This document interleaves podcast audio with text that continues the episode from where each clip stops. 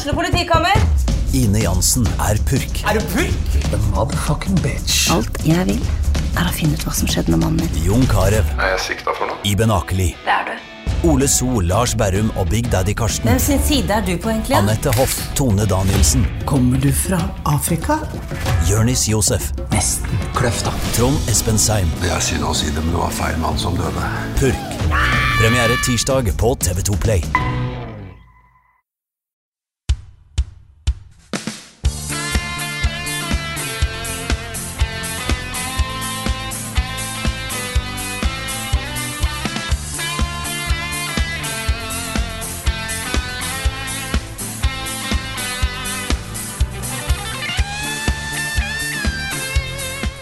Hallo, alle sammen, og velkommen til en ny episode av podkasten Level Backup med meg, Frida Danmo. Og jeg vi må jo meddele at eh, fra nå av så vil det kun være mulig å få denne podkasten her digitalt. Den er, blir ikke lenger solgt i butikker. Eh, og det er, vi skjønner at det er, det er synd. Jeg vet at det er mange som sitter klar hver fredag morgen og ligger i sovepose utenfor butikker for å få tak i denne podkasten her. Men nå blir det rett og slett kun digitalt eh, fremover. Så da håper jeg ikke det blir altfor altfor stor ulempe for eh, folk. Og med Nei, meg vi må ta litt ansvar. Ja, det er Vi må viktig å litt, eh, ta litt ordentlig her. Og vi vet at det er noen prister der ute som er litt sånn glad i å ha liksom podcasten på, på kassett, da, på bånd. Og det, vi har jo lyst til å tilby det også, men det, det, det, det får vi dessverre ikke til akkurat nå. Altså.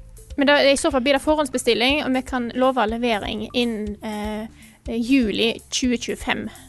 Ja, Jeg håper ingen blir sure for at vi tuller litt med dette her nå, da. vi kommer også til, vi kommer også til å eh, la deg preordre sånne spesial-vinylpakker. Ja. Ja. Mm, ja nei, vi tuller jo selvfølgelig litt grann med, eh, med nyhet som kom nå, at eh, Sony har bestemt at PlayStation 5 ikke skal selges fysiske butikker på release pga. Ja. eh, smittevernhensyn. Eh, og med meg i dag i eh, sin digitale fulle prakt er jo da Karl Martin Hogsnes, Rune Fjell Olsen og Niklas Halvorsen. Hallo, folkens. Hallo. Hello!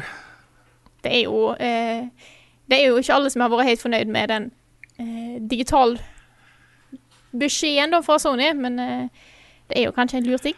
Nei, hva er det Rune gjør nå? Altså, nå har. Rune forberedt seg. Dette er sånn, dette er sånn, som, eh, dette er sånn som journalister på Twitter gjør. At liksom, Ja. han, har, han har nå tatt og bare forsiktig dytta inn esken til både Xbox Series X og PlayStation 5. Og vet, hva det du og vet du hvem som ikke har noen av delene? Alle vi andre. Ja. Så da er Sånn er det. Rune, nå syns Jeg jeg du fikk se egentlig, litt egentlig, forberedt, egentlig forberedt den derre um, Je t'aime moi non plus-låta også. Um, til å spille da, mens jeg gjorde det. Men jeg ble litt redd for sånn der opphavsrett og sånne ting. Ja, Så jeg droppa den, da.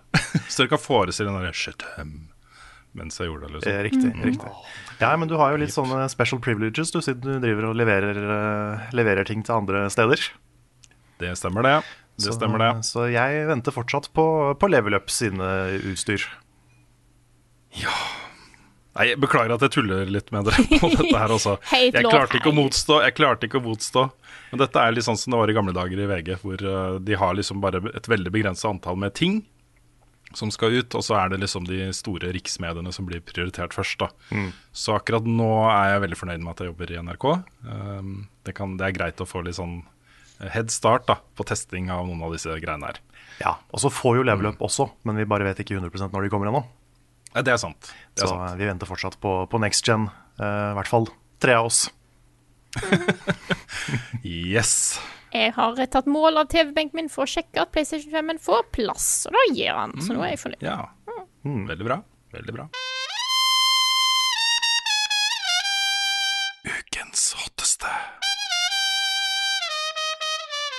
Jeg tar introen til ukens hotteste denne gangen selv. Det er fordi jeg har da kopiert inn et spørsmål vi har fått fra en lytter som heter Viktor Holmbo, som sparker i gang temaet for ukens hotteste på eh, en god måte. Og spørsmålet er da eh, Ettersom Sony akkurat har bedt forhandlere om å ikke selge PlayStation 5 fysisk i butikk før neste år pga. covid, tror dere Microsoft følger etter og gjør det samme? Akkurat det kommer vi tilbake til, men eh, saken er jo i hvert fall det at eh, Sony har gått ut og sagt at de ikke kommer til å selge PlayStation 5 fysisk i butikk eh, i 2020, altså ut året. Eh, og i praksis så betyr jo det at alle de som da ikke fikk en PlayStation 5 på forhåndsbestilling uh, i sånn april, mai, uh, juni og i høst, og hadde belaga seg på å snige, snike seg innom en elektronikkbutikk for å kjøpe en på lansering, eh, de får jo da ikke gjort det. Det blir jo lagt ut noen av eh, disse konsollene, eller dvs. Si da butikklagre, blir lagt ut i nye runder med forhåndsbestillinger, hvor det da også vil være førstemann til mølla-prinsippet som gjelder, antar jeg. Um, men uh, dette er jo litt sånn kaotisk. Ja. Kaotiske tilstander. Men åssen funker det da? Vil de som bestilte tidlig i år, få først? Eller vil de som bestiller nå tidlig, få først? Godt Jeg er usikker, altså. Ja, Jeg, jeg er usikker på hvordan Fordi eh, eh, vi forhåndsbestilte jo på Komplett alle sammen. Eh, og der er det jo ikke noe fysisk butikk, så der har de bare på en måte én forhåndsbestillingsliste. Mens når det gjelder de andre elektronikkjedene, så vet jeg ikke om de beholdt på en måte bestillingslistene. Eller om du bare fikk beskjed om at 'beklager, du fikk ikke den, denne gangen', liksom. Det vet jeg ikke. ja sånn, ja. Hmm. Ja, for folk får følge med. Det, nå vet jeg ikke om de uh, nye forhåndsbestillingene kommer til å bli lagt ut på launch eller uh, før. Ja, det Mm. er et godt spørsmål. Men uh, da må man kanskje gjøre litt detective work for å finne ut hva- åssen det her funker. Kanskje det blir sånne egne maskiner utenfor elektronikkbutikkene hvor man må stå i kø for å legge inn forhåndsbestilling. Ja, Ja, Eller bestilling eh, på nett, liksom. sånn, Mm. sånn sånn, for, å følge smitteverntiltakene, ja. ja. Ja, ja, ja. Det er minst én meter avstand mellom maskinene, da. Ja, det, det er viktig. Ja, men, men bare sånn kjapt, hva syns vi om beslutningen? Er det, jeg, jeg tenker at det er forståelig at det er Altså, jeg, det går an å spekulere om kanskje det handler om eh, hvor mange konsoller de har klart å produsere, og at de prøver å maskere det litt. Men samtidig så Sånne launch events for store spill, men i hvert fall store konsoller, de er jo ganske tettpakka ofte. Eh, I hvert fall i andre land. Norge er én ting, men, uh, men andre steder. Og det at Sony ikke vil bidra til uh, smitte ved å ikke tillate det den gangen her, det er, jeg, jeg skjønner det. Og det er selvfølgelig så dette drit, for de som belaga seg på å skaffe seg konsollen på launch. Mm. Det, de skjønner at de er litt sinna, men det, jeg syns samtidig det er ansvarlig gjort, da. Jeg syns det er en Altså, god idé. Ja, samme. Altså, vi har jo, eh, dette her blir jo veldig veldig stor skala på den beslutningen Sony, Sony tok. Ja, for det var worldwide. også, Ja. ja, og, men vi har jo også tatt nøyaktig den samme beslutningen med vår produksjon. Vi har jo uh, måttet utsette uh, livepodkasten vår i Tønsberg, som skulle være midt i november. Vi har eh, utsatt dette Patron-eksklusive showet vi skulle ha på eh, Eldorado. Um, og det er eh, av akkurat samme grunn. Vi ønsker ikke å bidra til, eller å bli smitta selv, da, til økt smittefare for folk. Og det å på en måte tilby uh, et produkt, da, altså Level Up Live, som folk kanskje noen har veldig lyst til å se, og tenker at jeg er litt redd for smitte, da, men jeg kommer allikevel, for dette har jeg så lyst til å få med meg, så, så får vi et slags moralsk eh, eh, problem, da med å ha den type events. Og dette er jo nøyaktig den samme vurderingen som Sony da har måttet gjøre i veldig veldig stor skala. ikke sant? Så, eh, så er det jo også sånn at Sony er et japansk selskap, og eh, eh, beslutninger da rundt smittevern er på en måte hakket mer alvorlig og blir tatt mer seriøst i Japan i utgangspunktet. Eh, så mm, eh, det kommer litt fra det også, tenker jeg. Jeg, jeg tror nok også at de har produsert for få PlayStation 5-konsoller. jeg er ganske sikker på det, altså. At dette ville blitt kaotisk uansett. Men um, når du ser trøkket på forhåndsbestillingene gjennom året, hvor mange som er interesserte, hvor mye diskusjoner det har vært om at jeg får ikke før i mai 2021, eh, så, så danner det seg et bilde av ganske kaotiske um, butikklanseringer her. Så mm. Det er jo Jeg- jeg det er lov å håpe da, at, at mai er en safeguard fra nettbutikkene. At uh, Mm. det egentlig bare er noe de har satt fordi de får det i hvert fall innen da. på en måte. Ja. Men så er jo da spørsmålet hva gjør Microsoft nå, da? Eh, jeg, jeg tror de fint kan lansere Series S og X i butikk uten å få en stor backlash på det. det jeg, jeg tror ikke de kommer til å få noen stor sånn public eh, eh, image-problem hvis de gjør det. Men de settes jo litt i en. Altså, Ja. jeg, sånn, folk kan jo si at ja, de, vi er ikke bekymra for covid-type ting, da. Så eh, de sitter og diskuterer det. Det er jeg helt sikker på. Det vet jeg ikke. Ja. Nei, det er, eh, det, det er litt sånn her eh, Nei, vi kansellerer E3, men vi skal i hvert fall ha Gamescom. Ja. Og, det- og det, det blir litt sånn Jeg veit ikke. Det, nei, det er vanskelig. Jeg, jeg tror de kommer til å gjøre det. At de kommer til å eh, blokkere fysisk. Ja, ja, det kan godt tenkes. Det kan nok hende. det hadde jeg gjort. Men jeg, Verden er jeg tror, tror du har rett, Arun. Jeg tror ikke den backlashen kommer til å være kjempesvær. Det kommer til å være noen litt sånne kritiske stemmer som uh, veiver litt med fingeren. Men jeg tror ikke det blir noe skandale. Altså, tenk dere da, Hvis eh, Series S og X lanseres i butikk, og så kommer alle disse reportasjene om veldig ordna forhold, om maks fokus på smittevern og to meter mellom alle, masse vakter, eh, masse med antibac Mm. osv. Og så er det sånn, hvorfor kunne ikke Sony gjøre dette? Ja, for for ting, det er jo en løsning, det òg. Det å bare være veldig forsiktig. Ja. Men så er det alltid noen butikker som ikke tar det like seriøst som andre. Mm. Eh, og så har du noen plasser som det er mer smittetrykk enn andre. Altså, Norge ligger jo eh, altså, ikke nødvendigvis kjempebra an, men vi ligger jo kanskje bedre an enn mange andre land i Europa. USA har det jo skikkelig bad nå. Eh, så jeg tror det, det det er er en risiko, altså. Ja, Det er nok mye de, de, altså USA og de store store millionbyene og sånne ting som har vært fordi uh, i, I London eksempel, så bor du kanskje utenfor London, og så må du ta masse kollektivt og eh, reise langt for å komme til den butikken du skal kjøpe på. Uh, og kan være i kontakt med veldig mange flere mennesker enn du kan uh, i Norge. da. Så, så dette er på en måte en sånn global beslutning som har større impact andre steder enn i Norge. Men det hadde vært rart, da. Da hadde jo liksom hele Sverige kommet til Norge da, for å kjøpe PlayStation 5. Ja, sant. Vi, eh, vi har jo til og med dokumentert dette her i level up-sammenheng med amerikanske køer. Som, Ja, som sant. Bjørn sto i i mange mange, mange timer for å skaffe seg en PS4 back in the day. ja, det er sant. Det var eh, ja, en reise til USA og en hel dag i kø. I tett Ja. kø med andre mennesker, så det er ikke veldig populært akkurat nå. Nei, så jeg vil tippe at det hadde blitt samme, samme som har skjedd nå. Nå er jo Ja. er amerikanere blitt gode til å stå i kø pga. forhåndsstemming, eh, men likevel, da. Jeg har veldig sympati da med alle de som ikke får en PlayStation 5 til jul. Jeg vet det er mange som har lyst på det. Jeg kjenner på min egen glede av å faktisk ha en i hus, hvor eh, digg det føles. Uh, og det, det er jo selvfølgelig trist. Men husk nå da alle sammen at eh, en konsoll har veldig lang levetid. Det tok eh, syv år før vi fikk The Last of Us Part 2 på PlayStation 4 etter lansering. Det er, eh, det, er, det er bittert å misse lanseringen, men eh, vi har ikke sett det beste fra PlayStation 5 ennå. Så det kommer jo seinere. Og prisene kommer, kommer kanskje til å gå ned. Kanskje de annonser en, eh, en PS5 Pro-versjon som du har mer lyst på neste høst. ikke sant? Altså Det kan skje ting her som, eh, som gjør uh, savnet litt uh, Som døyver savnet litt, da.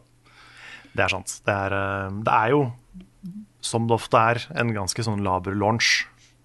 Du har noen kule spill som kommer, som vi skal anmelde og som vi kommer tilbake til. Men det er jo et, etter hvert at konsollgenerasjoner virkelig kommer i gang. De, best, de beste spillene kommer gjerne etter sånn tre-fire år. Ja. ja. Det er derfor vi også sier at det er ikke noe stor krise for Microsoft at ikke Halo og Infinite kom til launch. Eh, der på en måte, Når den begynner å skyte fart med eksklusive spill og Microsoft-eksklusive spill, spill laget av Microsoft og deres studioer, det er først da på en måte den konsollen begynner å leve skikkelig. da. Eh, så, og det er, det er helt fint, liksom. Den, en konsoll skal leve lenge. og det, eh, Sånn er det bare. Men vi har fått et annet spørsmål som jeg syns det er verdt å bare ta opp eh, og se litt på. Eh, det er fra Pål Malmberg som spør Vil dere anmelde PlayStation 5 eksklusive titler på lik linje med ikke-eksklusive titler, eller vil dere ta hensyn til at denne konsollen ikke har så mange eiere ennå pga. leveranseproblemer? Og Da vil jeg si at eh, sånn, s- som en sånn generell ting for redaksjonen vår Ja, vi bedriver litt sånn kjøpshjelp, og så uh, eh, forbrukerinformasjon. Men først og fremst driver vi kulturkritikk. Og en anmeldelse vi lager av Demon Souls eller Miles Morales i november 2020, vil fortsatt være relevant uh, som kulturkritikk da, i 2021 og 2022 og 2023. Så her uh, kommer vi til å se på utgivelsene som, uh, som det. eh, noe vi har lyst til å eh, vurdere som eh, kulturinnhold. Eh, så um, ja. Ja, Det handler om Så- å være relevant eh, og dekke det som kommer av, eh, av nyheter. Så vi ser på spillet i seg sjøl, eh, og ikke eh, trekker det ned fordi at Sony har hatt produksjonsproblem? Nei, hvis man bare skulle anmelde ting som er bredt tilgjengelig for alle, så begynner man å få en del sånne utfordringer eh, rent eh, journalistisk. Eh, da, er man, da er man på en måte bare fanget av markedskrefter og popularitet og tilgang, da. Eh, og eh, er da ikke lenger i stand til å trekke fram ting som er smalt, men bra. Verdt å diskutere, verdt å trekke fram i lyset. Og så er det jo et poeng at uh, stoff om PS5-spill eller Xbox Series X-spill er jo interessant for mange, selv om ikke de har konsollen ennå. Det tror jeg også. Det er mange som kommer til å se um, Miles Morales-anmeldelsen til Nick, som uh, ikke engang har tenkt å kjøpe en PlayStation 5. Det er sant. Så, um, uh, så det, jeg, jeg, jeg mener jo det er interessant stoff uansett. Da. I agree.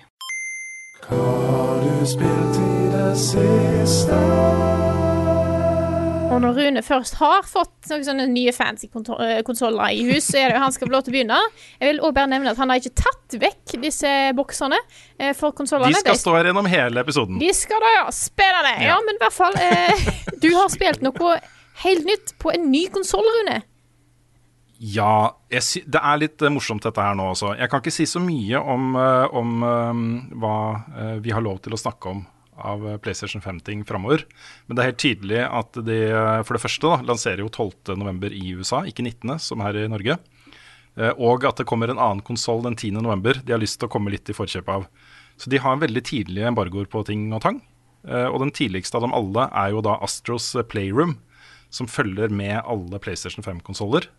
Eh, Der var det sperrefrist allerede denne uka på da et av brettene som du kan spille der. Eh, det er jo ukevis til konsollen kommer, så jeg syns det er litt festlig. Ja, da er jeg helt enig. ja. Uh, men det her er jo en tech-demo uh, som uh, er laget for å vise folk hva mulighetene er i den nye eh, DualShock-kontrolleren. Så alt du gjør i spillet er eh, skreddersydd for forskjellige funksjoner da, på den kontrolleren. Og noen ganger så må du kombinere og sånt. Eh, og det ene brettet av fire som jeg har lov til å snakke om, det heter Cooling Springs. Hvor eh, du er inne da på sånn der hot spring eh, og cool spring-område. Uh, sånn 3D-plattformspill med da disse Astro-figurene fra eh, Kjent fra Hva het det andre VR-spillet igjen?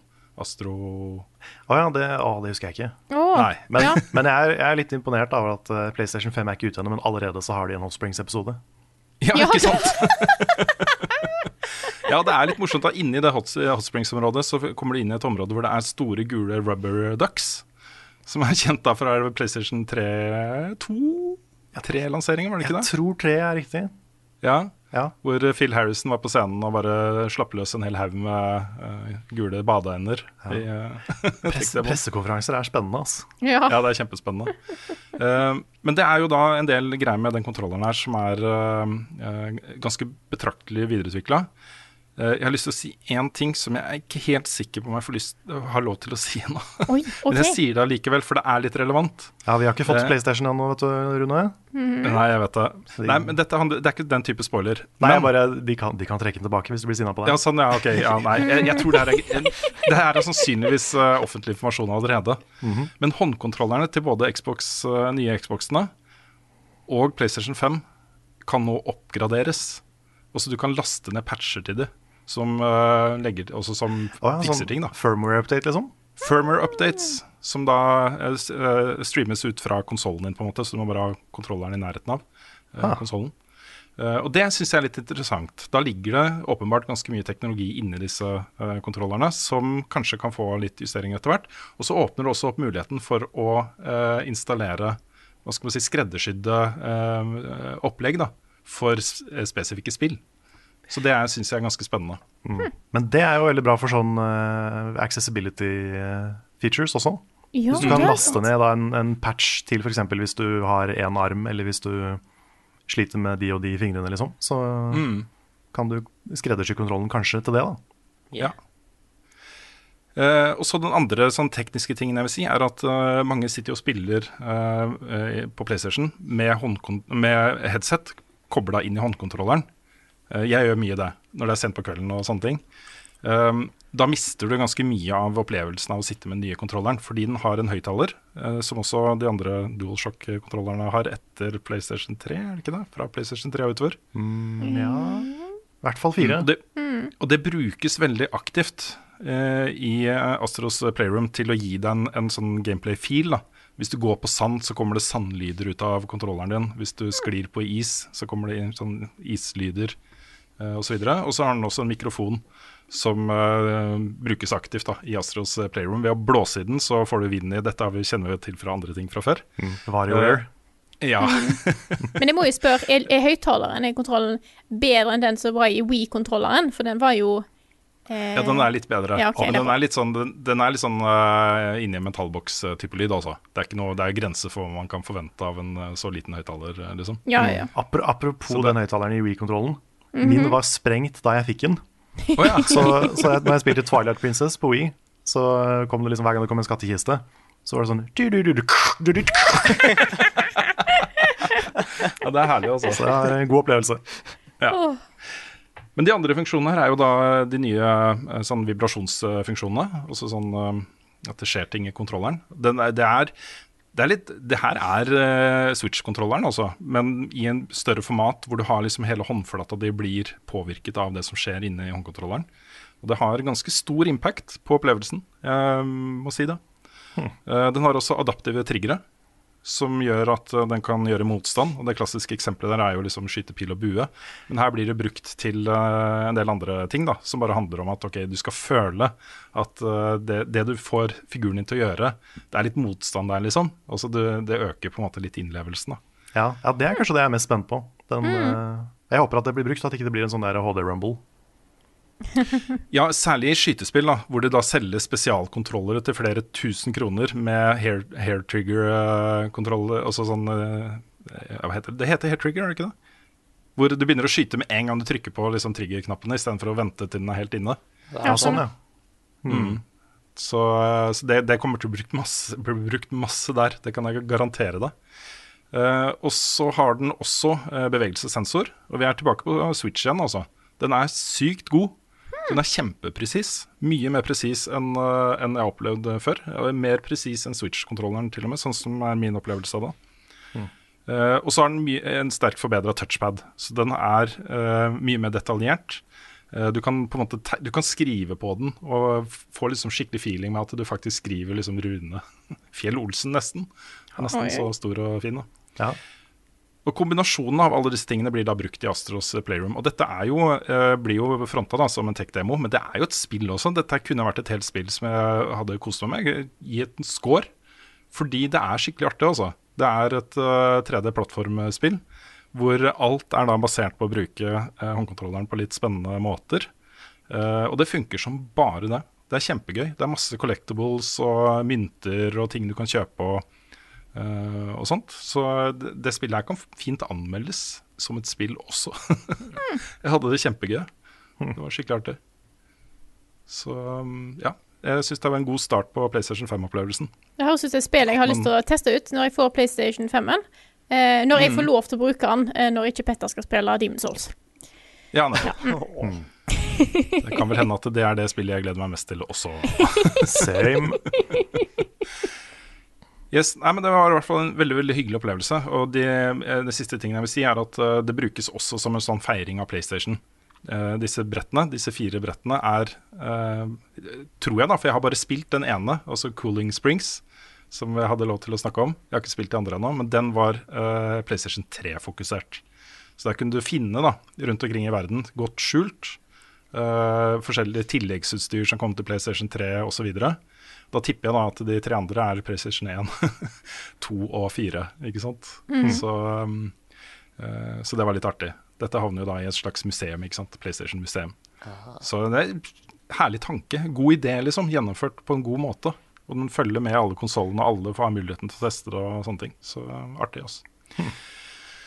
Jeg nevner et par eh, ting kjapt som jeg også har spilt, før vi går videre til den andre store store tingen denne uka her. Um, jeg har spilt et nytt norsk spill som kommer den 5. november på Steam, som heter Dude, Where's My Bear?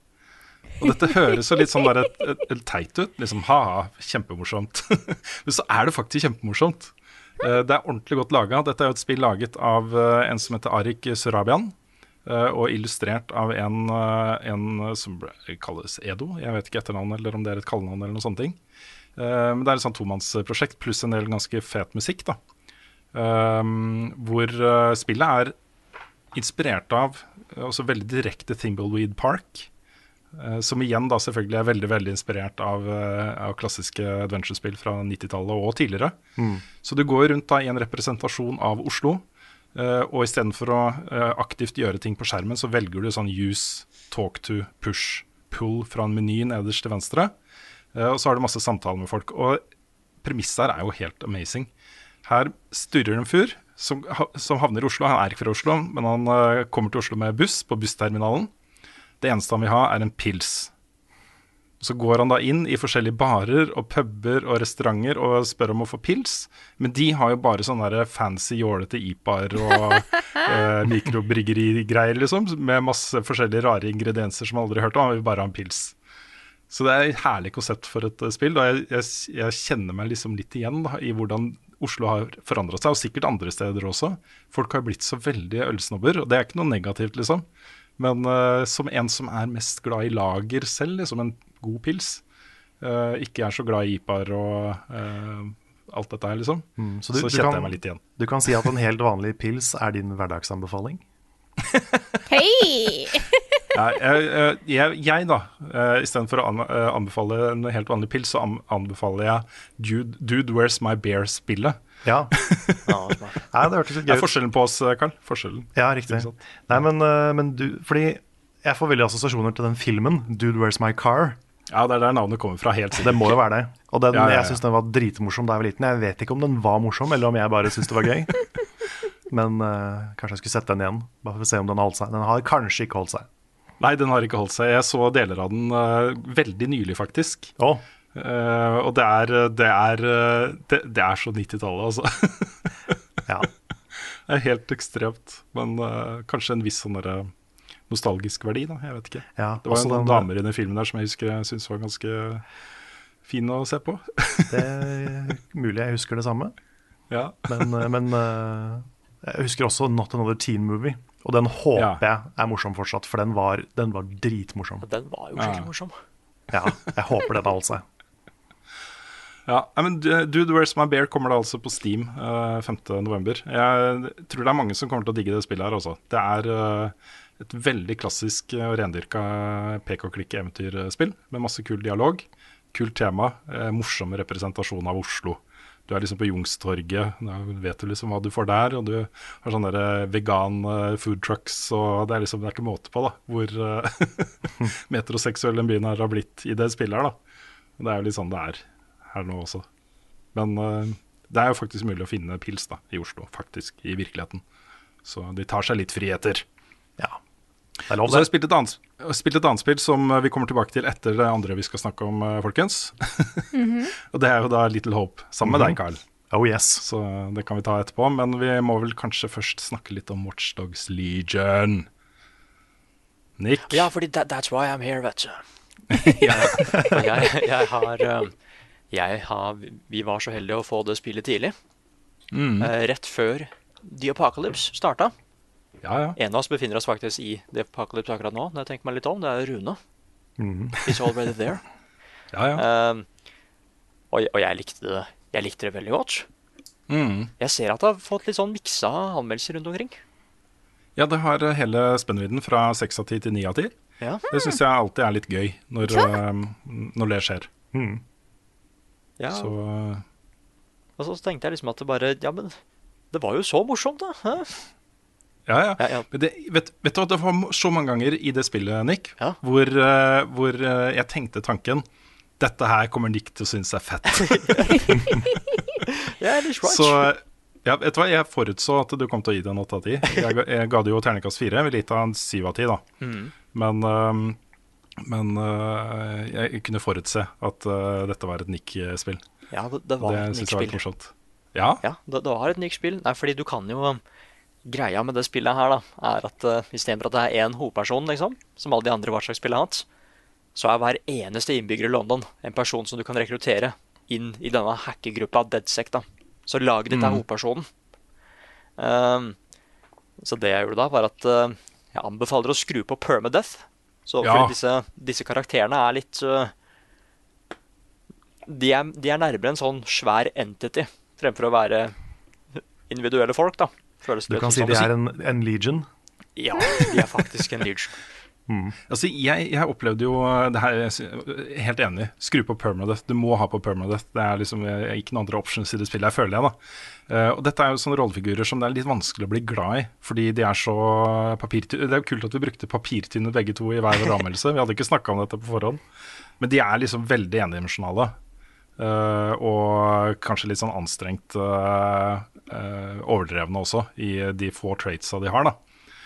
Men den første jeg valgte, som du har muligheten til å lage litt selv, da. Du bestemmer litt hvordan den skal se ut, og, eller henne, da. Um, og hva slags personlighet du går for, og sånne ting. Han endte jeg opp med å bli litt glad i. Jeg, hadde- jeg syntes det var litt kult å spille med han, for han var den første. ikke sant? Han var den som gikk ut og bygde opp Deadsec på, på nytt. da. Ja, Så jeg fikk et litt sånn nært forhold til han. Tror du ikke han daua da? Altså permanent, ganske tidlig i spillet. Hadde spilt i liksom seks-sju timer eller noe sånt, så daua han i et oppdrag. Og var ute av spillet for godt. Men da blir han Martin, ikke sant? Som, Ja. som er med på å bygge opp resten av uh, Deadsec. Men det var en sekvens der hvor jeg var ved han. da Eh, Prøvde å få tilgang til noen sånne hemmeligheter på toppen av en uh, høy bygning. Og trodde jeg skulle nå et hopp, men så viste det seg at der var det en eller annen sånn invisible wall som gjorde at jeg ikke fikk tak akkurat der. Da, selv om jeg, altså, den var innenfor rekkevidde. Så han ramla ned og ble stående på en sånn bitte liten ledge, nesten tom for liv. Det var, han har ingen veier å gå i det hele tatt. Annet enn å bare hoppe videre og daue, da. Da, måtte, da tok jeg en hard reset av hele spillet. Rett og slett. Jeg sto der på den kanten og bare sånn Så ja, det tilfører en god del, altså. Ja, altså, og jeg fikk sånn der liksom at uh, Fordi de har jo forskjellige roller, ikke sant? En er en bygningsarbeider som kan gå helt fint inn i steder som har den samme uniformen og sånne ting.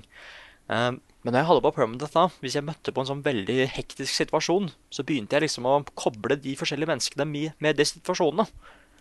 Og som at ja, jeg er glad i han gamle mannen der, vet fordi han han gikk inn i en base og bare kicka ass og fullførte oppdraget, ikke sant? Ja. Uh, pluss at jeg, jeg, jeg starta jo min jakt for å finne hele level up-gjengen i London.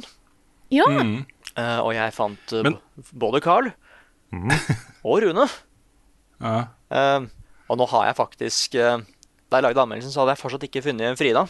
Men nå har jeg funnet du, en sånn Nick. Å, ja. Hvilken farge er det på håret til Frida? ja, nå ser jeg jo at det er en en Jeg har ikke fått sett sånn anmeldelsen ennå, så dette her er Ja. ja.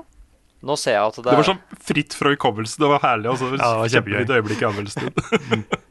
Nei, jeg veit Lyse Det er en rar farge. Det er en merkelig farge. Hva er det Jeg her? har, eh, jeg har eh, Jeg tror det teller som mørkeblondt, men det er jo lyse Det er sånn kommunegrått brunt.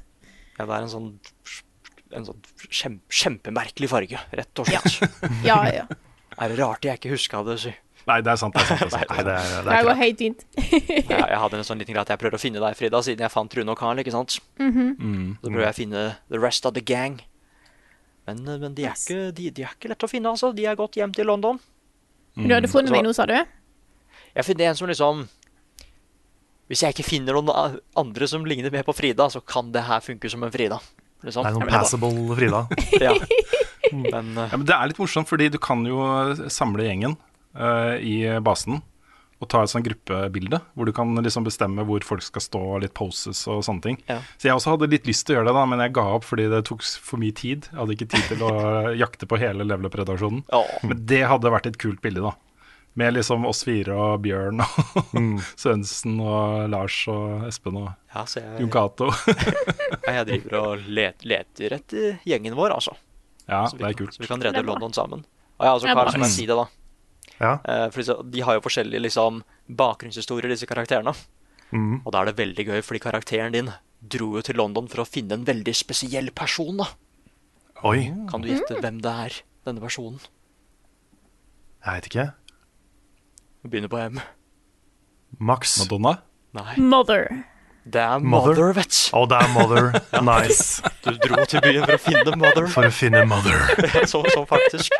Da tenkte jeg bare at uh, det, det ligna allerede på Carl, men nå er det søren meg bakgrunnshistorien hans òg. Ja, nå er det faktisk meg. Ja, nå er det Herlig. faktisk deg. Så det var veldig Ja. gøy. Det hadde Ja. en landsby som brant ned og Ja, det, det, det var supersad. Alt står der, liksom. mm. Um, nei, det, det som er så gøy, det er liksom at uh, Jo, de var veldig tynne, disse karakterene. Men jeg syns det er så gøy å hacke og dra rundt i den byen og gjøre forskjellige ting, fordi det er så sømløst. At liksom, ja, gå til det stedet her, hacke duppet ditt, uh, shabam, og gå til den basen her, ta ut noen folk der. Så liker jeg at hvis du er liksom skikkelig godt forberedt, da, spesielt når det er permanent, fordi folk kan jo dø, så du må være ekstra forsiktig. Du kan liksom stå utafor en politibase og bare hacke hacke dritten ut av den basen holdt jeg på å si, og gjøre oppdraget uten å gå inn i basene. Du har Ja, det, var mine favoritt, det var mine favorittoppdrag også, når du hadde mulighet til å bruke den spider-botten. Mm. Eh, Som også, når du oppgraderer den, så kan den jo, kan jo knocke ut eh, fiender. Ja, ja. Eh, Så lenge de ikke oppdager den, liksom, så kan den stikke seg bakfra, så facehugger den fiendene, og så sjokker de. Så det var et par av de oppdragene som jeg, når jeg gikk inn der, så var det jo ingen fiender igjen. I det hele tatt. Jeg kunne bare gå bort til den tingen jeg skulle gjøre, og gjøre det, og så bare gå ut igjen. det var herlig, altså. ja liksom at du, Kjempekult. du har så mye kontroll, da. Um, og derfor syns jeg det var så spennende når du skulle i disse svære historieoppdragene, fordi der, der eskalerte ting så fort hele tida. Ja. Um, og det er et par ganger hvor jeg liksom klarer oppdraget, men han eller hun jeg har sendt inn, dør, da. Men oppdraget blir fortsatt fullført, liksom. Ja. Men de får en sånn der at uh, Ja, det ble fullført, men at what cost? Vi mista denne operativen her, ikke sant? Ja. Så, så det ble alltid litt spennende å gjøre disse oppdragene her, da. Særlig mot slutten, fordi da blir ting uh, crazy bananas. Ja. Ja. Jeg hadde jo um, jeg, jeg liker jo på en måte uh, oppdragsstrukturen og hackinga og, åpen verden-biten av spillet veldig godt. Jeg syns det er uh, herlig, og der er også jeg på en åtte, liksom. På den opplevelsen. Men jeg har en issue, og den er, blir på en måte sterkere for hvert år som går, og for hvert voksne spill som kommer, da, som gjør disse tingene bra. uh, av type God of War, uh, The Last of Us Part 2, hvor de voksne rollefigurene er voksne. De har voksne dialoger, troverdige dialoger. Eh, Det er laget for voksne, av voksne mennesker. Og det er lagt mye arbeid inn i dialog og historiefortelling og, og sånne ting, da, som gjør at jeg føler jeg blir tatt på alvor som en voksen gamer. Og dette spillet har jo også 18-årsgrense, og er liksom med den settingen, eh, med overvåkingssamfunnet og eh, det, alt det politiske, som er politisk, som er i dette spillet her, så er det jeg, jeg mener dette er et spill for voksne, i hvert fall ser det sånn ut. Ja. Men så er estetikken er veldig sånn Fortnite. Det er sånn crazy banana, uh, som du sier, Nick. Liksom. Altså, det er eh, dialogene, eksempel. det var et par ganger hvor de bare avslutta Begge de to som sto og snakka sammen, avslutta bare dialogen med 'fuck yeah'! Begge to, liksom. Begge to. Ja, men det er helt sant. Ja, og det, det skjærer såpass mye i opplevelsen min, da. Det blir sånn, det er som å ha negler ned en uh, kritthavle, liksom, for meg. At, at det ødelegger litt for opplevelsen. Um, jeg har, dette er tror jeg, ganske vanlig i spillindustrien. og Jeg skulle likt å se uh, researchen til Ubisoft og de andre uh, som lager den type spill, uh, eh, på målgruppe. Fordi jeg tror den viser at dette spillet, denne typen spill da, er soleklart kanskje mest populært da, i segmentet sånn gutt 14-15 enn voksne personer godt over 18, liksom. Eh, og at de legger bevisst da, tonen til å matche mer eh, det de forbruker av annen type innhold. da. F.eks. Fortnite. Ja. Så, um, så jeg- det, det er en Jeg mener det er en litt uting, da. Å på en måte markedsføre et spill som et spill for voksne med 18-årsgrense og de temaene det har, og uh, alvoret som uh, jo ligger der over uh, hele opplevelsen, liksom. Og så er det bare sånn Tjoho, vi skal ha det så fett i London! Fuck yeah! det plager meg litt. Så derfor så endte jeg på en firer da, istedenfor uh, en femmer, liksom. Eh, men jeg har full respekt for at, eh, at man kan liksom ikke fokusere så mye på det, og bare kose seg med det faktiske innholdet som er der. Så det er, det er en veldig personlig ting, da. For det var jo gøy, da. Nei, men jeg, jeg skjønner hva du mener. Det er et veldig sånn der eh, Et øyeblikk hvor jeg faktisk lo høyt. Sånn, Jeg lagde faktisk lyd sånn ha! Eh, det var fordi at uh, eh, flere av disse personlighetene er så like, ikke sant, av de karakterene.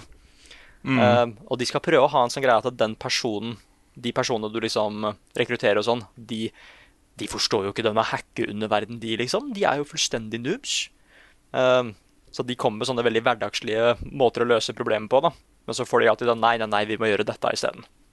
Og da var det litt gøy, fordi det første, noe av det første du gjør, er å skal hacke en sånn politiserver eller et eller annet sånt. Og de advarer liksom at ja, sorry for at du må gjøre dette her, dette er ulovlig, men jeg tror du klarer det.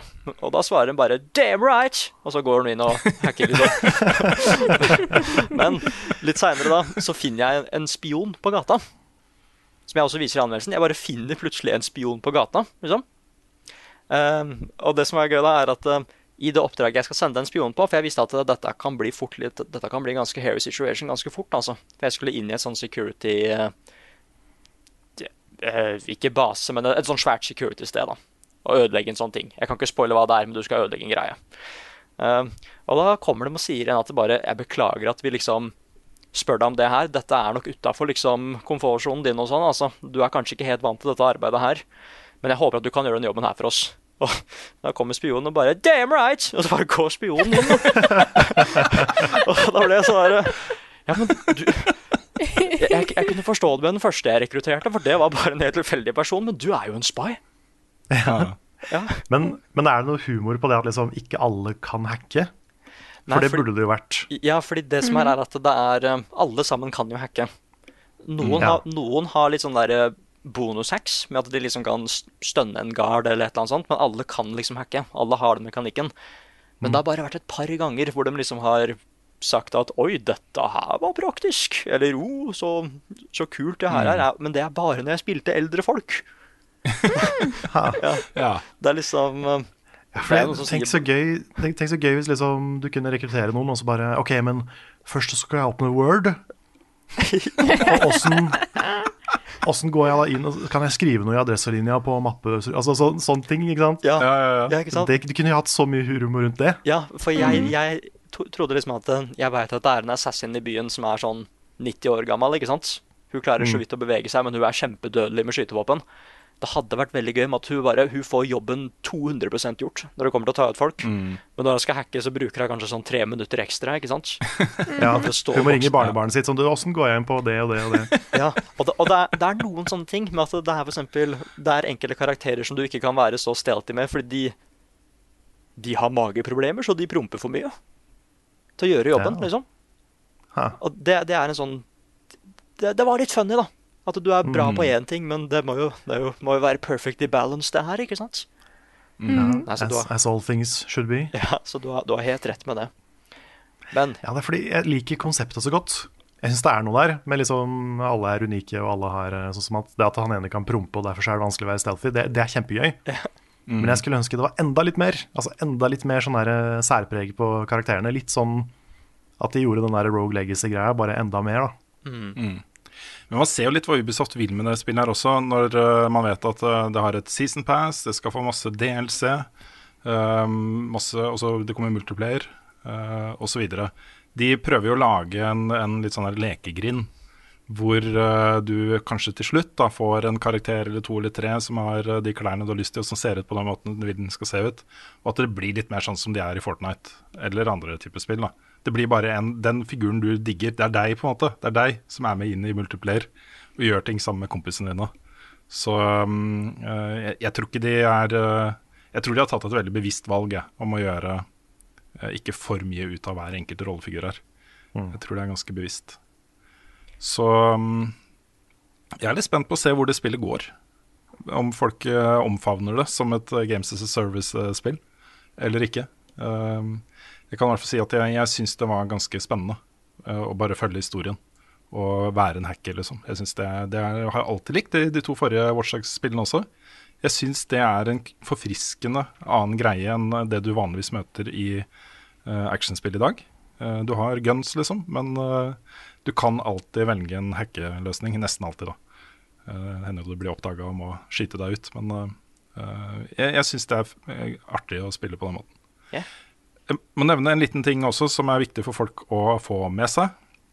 Eh, Det er mulig dette er løst da innen podkasten er ute, fordi på fredag kommer det en patch til spillet som eh, Ubisoft sier skal løse problemet, men problemet er jo ganske dramatisk. Det er på Xbox One X-versjonen av spillet en game-breaking bug eh, i et oppdrag som kalles eh, 404. eh, herlig ironisk nok. Ja. Uh, Eh, hvor uh, hvor uh, det som skjer, er at konsollen overopphetes og skjøttes ned. Og, okay. Men er det da fordi du ikke har akseptert nye terms of service? det, kan være, det, kan, det kan være det. Kan. Det skal patches da, men hvis du sitter nå med Xbox One X-versjonen og ikke har kommet dit ennå, så kan det være lurt å vente til du har den patchen. Så bare, ja, så folk vet det. Er det noe mer du har lyst til å si om Watchdogs før vi hopper videre til litt eh, Halloween-horror? Eh, nei, nei, jeg tenker at du bare Det hadde ikke gjort noe hvis du så anmeldelsen min, altså. For der går jeg gjennom alt og har det gøy med Watchdogs og Ja, det er en fin anmeldelse. En veldig fin video. ja, Tusen takk. Så eh, anbefales. Ja, og min kan leses på NRK. Yes. Den er Yes, også men vi har jo spilt Tusen takk, tusen takk. Jeg fiska ikke etter det- etter det i det hele tatt. Den var fin. Eh, men du og jeg, Carl, vi satte oss ned på en kveld da i forrige uke Det gjorde vi. og tenkte vi skulle teste litt uh, Little Hope. Så endte Ja. vi opp med å uh, runde det sammen, Vi gjorde det. du og jeg. Vi, Ja. vi spilte hele spillet i en sitting. Og det er jo, eh, jeg har jo Dette er jo det andre spillet i uh, The Dark Pictures Anthology. Og det første var Man of Medan, som jeg anmeldte i fjor. Mm. Det føles ikke så lenge siden at det kom. Nei. Det var vel nesten nøyaktig et år siden, tror jeg. Tror det var Mm. rundt halloween i fjor. Og det er litt kult, syns jeg, at liksom de spillene her er jo eh, De er ikke korte, korte, men de er sånn rundt sånn fem, fem timer, fire-fem timer. Ja, Vi brukte vel fire timer og 20 minutter eller noe sånt? Ja, et eller annet sånt. Ja. Um, så de, de kan liksom hvis du, hvis du er litt gira, så kan de spilles på en dag. Og de er ganske sånn polished opplevelser, vil jeg si. De er ikke like svære trippel A-spill som det Until Dawn var, for dette er de samme folka som, eh, som lagde Until Dawn. Men de er sånne små episoder av Until Dawn, på en måte. Mm. Med nye karakterer for hver gang og en sånn forteller som binder det sammen. Og anmeldelsen min ligger ute nå på, eh, på kanalen. Ja, det gleder jeg meg sånn til å se. Det blir comeback for en eh, kjent og kjær level up-figur der. Ja, kjent fra en annen ting. Så det er andre gangen dukker opp. Um, men eh, nei, vi spilte det sammen. Jeg spilte jo Man of Medan aleine, men nå siden vi fikk to koder, så kjørte vi på med, med co-op hele veien. Mm. Og jeg likte det veldig godt. Altså. Det, er sånn, det er noe med den derre Den derre veldig cheesy horror-greia. Litt sånn Det er på en måte oppskriften til David Cage, men med et lite smil. Mm. Det er sånn, vi, vi lager litt den samme typen spill som Heavy Rain og Detroit og sånn, bare at vi, vi, tar, vi, vi er litt sjølironiske. Vi embracer alle de morsomme tropesa, og vi, vi vet at dette her er litt sånn popkorn. Eh, Og det at de vet det, og at de på en måte embracer det, det gjør så mye, da. Ja. Det jeg likte best da med spillet, det var at vi altså det, var, det er helt åpenbart et, eh, et mysterium her, med en løsning. Vi ble jo sittende fra sånn cirka halvveis og ut resten av spillet og, og diskutere teorier Ja. og hva som har skjedd og hvorfor og sånne ting. Så det var på en måte som å se en sånn påskekrim med noen i sofaen hvor vi diskuterer ja, hvem, er, hvem har gjort det, ikke sant? Who done it? Eh, det syns jeg var kjempeartig. Ja. Uh, Likte det veldig godt. ja, for det er jo fem hovedpersoner her, og du vet jo ikke om alle de fem kan stoles på. Du vet ikke om, uh, om det er noe som foregår som ikke du er klar over. Så vi, vi ble jo sittende og gjette hele veien. Og jeg ble faktisk ganske overraska over de svara som kom. Jeg klarte ikke å se Ja. de komme. Fordi det var et problem med Man of Medan, at jeg skjønte på en måte plottet etter den første halvtimen. Mens her så var det Jeg ble liksom sittende OK, er det sånn? Ja, men det matcher ikke med det. Og så var det liksom Det var litt spennende, da. Um, pluss at det er veldig veldig bra at de har lagt inn sånne warnings når det kommer, um, kommer button inputs. Ja, det kommer en liten forvarsel på det. Ja. Og den hjelper, altså. Fordi Ja. i Man of Medan så bare kom knappen opp. Ja. Og, det, og kanskje det var en time siden sist du hadde fått en quicktime-event. ikke sant? Så du bare du må grabbe kontrollen din sånn, å shit, og så X, og så, så bommer du hver gang. jeg, hadde drept, jeg hadde drept alle figurene jeg styrte, hvis det var tilfellet her, Karl. Ja, ja, det var helt grusomt. Så det, der satte jeg faktisk på en sånn accessibility option, bare for å, for å klare det. Ja, nettopp. For det kunne du heldigvis, da. Men, mm. men her har de bare lagt inn, og det er mye bedre. Ja. For nå har man sjans. sjans. Jeg syns jo da Dette er jo mitt første møte med utvikleren og den sjangeren og de spillene her. Jeg har ikke spilt verken Man of Medan eller Until Dawn før. Nei. Men jeg har sett Nick da han bare knuse uh, Until Dawn, så den streamen så jeg jo. Ja, ja fy fader, altså. Jeg så, jeg, så, jeg, så jeg visste jo hva jeg gikk til. Um, jeg, jeg, min personlige mening er jo at jeg syns uh, spillet godt kunne vært litt skumlere. og så syns jeg de kunne ha eksperimentert litt mer og lekt litt mer med coop-delen. Uh, jeg savna litt uh, den type coop-opplevelser du kunne få i f.eks. A Way Out. da. det burde vært en sånn åpenbar inspirasjonskilde for dem, akkurat det, hva de fikk til der. Og de der utrolig kule eventsa da, som kom av at vi er to stykker sammen som styrer hver vår figur, Mm. i en, et spill som er veldig sånn narrativt og historiedrevet. Det hadde vært morsomt. Men jeg likte det veldig godt, jeg også. Jeg syns det var en veldig spennende og kul opplevelse. Det var kjempegøy å spille med deg, Karl. Ja, i like måte. Og det var eh, Det jeg liker da litt med den coop-greia her, er at vi, vi spiller jo den samme historien, men vi styrer hver våre karakterer, som bytter hele tida. Mm. Så i en eh, scene så er du eh, da eh, hun ene dama, og så er jeg han fyren der, og så bytter vi Så er vi to helt andre characters i neste scene. Mm. Uh, og når vi er på samme sted, så ser vi de samme cutscenene. Men når vi ikke er på samme sted, så får vi to forskjellige historier. Ja, det var veldig kult. Og da blir vi sittende og liksom OK, hva fikk du vite nå? Ja, ja, ja. Og jeg bare OK, her, fordi her sa de det, og liksom OK, det er kanskje et hint. Mm. Og det er litt kult. Ja. Jeg syns det, jeg synes det er kjempekult at de, at de har sånne branching paths hvor um, Sånn som et klipp som jeg har med i anmeldelsen, da. Det er når vi går langs veien, og så ser jeg en cutscene av en liten jente som løper over veien, selvfølgelig. Eh, og jeg bare Å, shit, der var hun. Og Rune bare Hæ? Det er bare jeg som så hun. Det er så ja. smart! shit, man. Er ikke det, det er ikke det kult? Jo, det er veldig kult.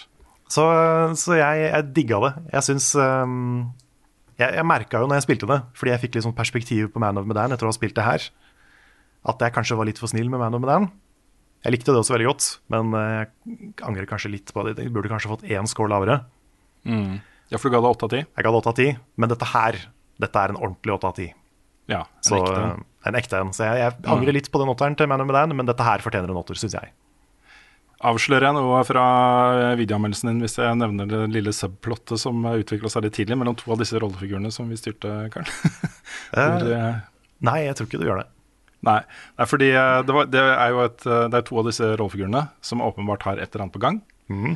Eh, og jeg bare med en gang Nå skal jeg sjekke opp Carl. så se hvor langt vi klarer å komme. Sånn, nå, skal vi se om vi kan, nå skal vi se om vi kan ligge sammen, liksom. Ja, det skal vi se om vi kan ligge sammen. Mm. Det var sånn alt, Alle valgene jeg gjorde i dialogen, var sånn midta på da eh, å kunne gjøre det. Så Ja. vi endte jo opp med en veldig veldig fin scene hvor det var liksom sånn nesten. Og det var, var nesten. utrolig kult, altså. Det var veldig nesten. Det var til, du var til og med så flørtende at min karakter ble sinna en gang. Ja, ikke sant? Ja, det var, det var too much, liksom. Ja, det var kjempemorsomt. Mm. Det var ordentlig artig. Ja. Nei, men jeg vet ikke hva det er, for jeg er jo ikke noe glad i horror, egentlig. Eller altså, jeg er glad i horror, men jeg tør ikke ofte. Men det er, altså, det er et eller annet med de spillene her altså, som bare er sånn ordentlig gøy. Jeg blir liksom begeistra av de, merker jeg. Mm, jeg har en liten teori der også. Ok? For du er jo ikke noe glad i skrekkspill, og det er helt fair. Mm. Men dette er på en måte akkurat på liksom grensen til å være for skummelt. Men Ja. du takler det, liksom. Ja, det er sant. Det er akkurat skummelt nok Ja. til at det går. Mm. Det, det er nok det, altså. Og da blir, det, da blir det ekstra spennende, på en måte. Mm. Så ja, nei. Det, anmeldelsen min ligger ute, som sagt. Så eh, hvis du vil vite mer om Little Hope, så bare check it out. Det, Check jeg, jeg koste meg. Nice. Og da er det bare til å fortsette, da. Er det, er det meg igjen, da? Yes. Mm. Eh, Ja. Jeg har jo eh, det, nå har jeg, Denne uka har jeg mest fokusert på å få ferdig Hades-anmeldelsen eh, til meg og Carl. Den er ute, så det er veldig gøy. Mhm. Også Ti av ti, altså. Ti Ti av av ti. ti. Det var så fett å se den tieren komme. Ah. Ja. Det, det ble tydelig etter hvert at vi måtte gi det ti av ti. Er det så bra, Ja. altså? Ja, det Det er det. er så bra. Jeg hadde òg en run i helga mens jeg holdt på med anmeldelsen, som var bare helt nydelig. Det var en god blanding av at jeg bare At alt jeg gjorde, eh, ga Bare fikk masse lyn som mm. dukket opp. Så da var jeg eh, Jeg følte ikke jeg, På et tidspunkt så var det ikke jeg som angrep fiendene. Det var at jeg la ut masse ting som bare gjorde lightning damage, og så sprang jeg rundt som en tulling og bare kita fiender til de døde. Så den heter Cheese Lightning. Cheese lightning. Yes. Nice. Da kaller jeg den bilden der.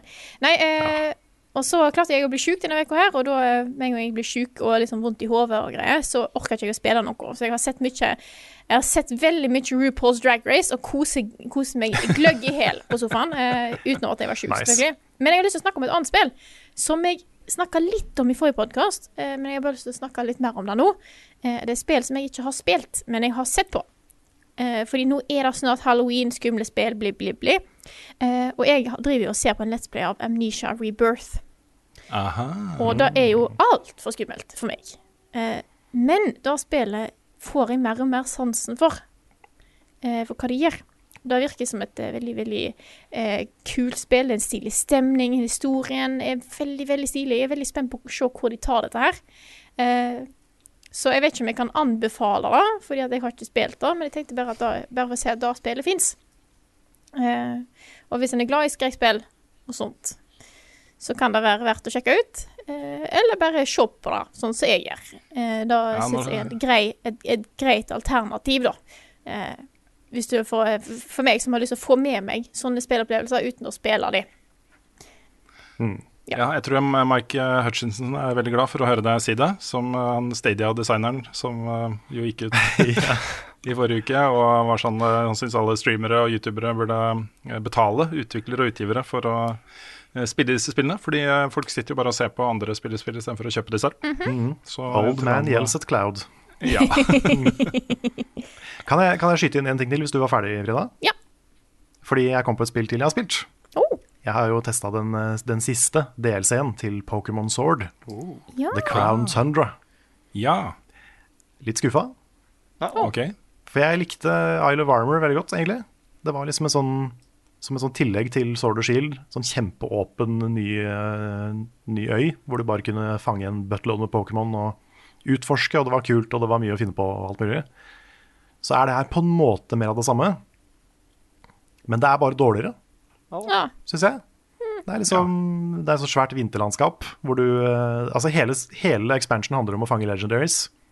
Og hvis du er glad i å fange legendaries, så er jo det eh, Da kommer du til å kose deg. For du får sånne quester eh, fra en veldig gira pappa som, eh, som har en datter som ikke er interessert i å henge med en. Så han henger med deg isteden. uh, så det er litt trist. Og hele den historien er litt sånn tam og kjedelig og uh, sånn Jeg, jeg fikk ikke noe ut av det. Og den nye store legendaryen, som er ny, da, den helt, helt nye, um, ser litt rar ut. Jeg blir ikke så, ble ikke så gira på den heller. Den, den har en kul funksjon med at den, den har to hester som den sitter på, og du må velge hvilken hest du vil ha. Så du får da én av to hester som den kan sitte på i, i fights. Så det er litt kult. Men, eh, men ellers er det veldig mye legendary hunting, som alltid er gøy, men det er så Det er pakka inn litt kjedelig, da. Jeg hadde håpa det skulle være litt mer sånn kule storyting og litt mer, schwung over det. Men det er egentlig bare et ganske sånn dødt landskap som du må løpe rundt og plukke opp klus. Og nei, i det hele tatt, det var, det var litt skuff, altså. Så er det også en sånn mm. ny Dynamax-greie, hvor du, du går inn i en dungeon og får en Pokémon, så du kan ikke bruke din egen, i hvert fall ikke i starten, um, som du kan slå deg sammen med fire andre, eller tre andre. Og så slåss du i sånne massive sånne Dynamax raids, da. Og så kommer du helt til slutten, og der har du en legendary, en random legendary. Så du kan fange Jeg fanga vel Sukun, det var vel den jeg fanga først. Så du kan liksom Du kan potensielt få veldig, veldig mange legendaries. Og det virker som det er det den delsen her er til. Men hvis du vil ha noe annet, så er det litt av det. Åh. Så jeg er litt, eh, litt eh, underwhelmed. Men jeg har eh, snart en stappfull Pokédex. Jeg mangler bare fire stykker. Shit.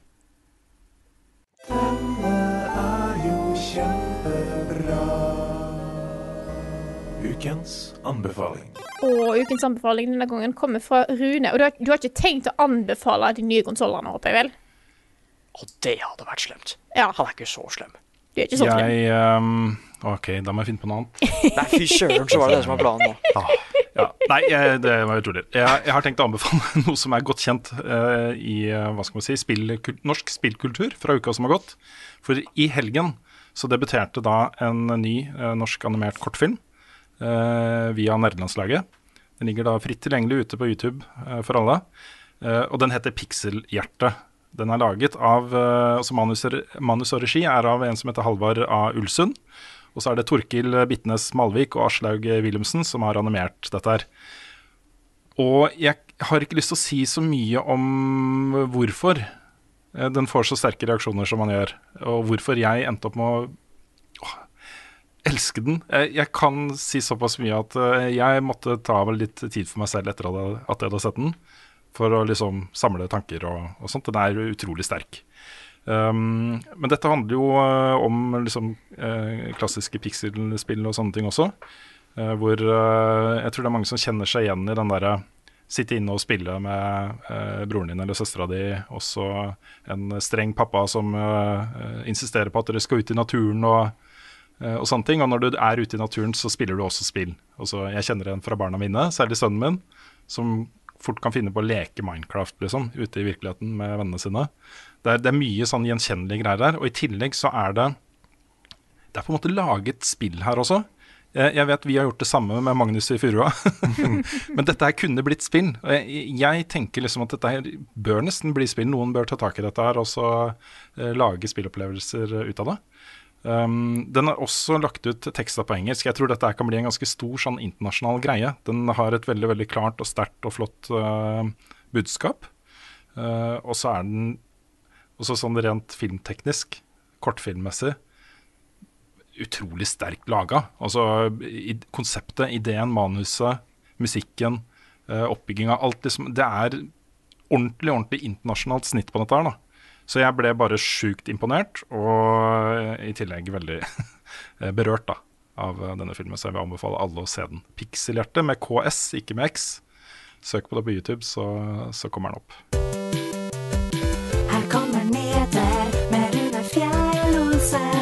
og han har ikke hår.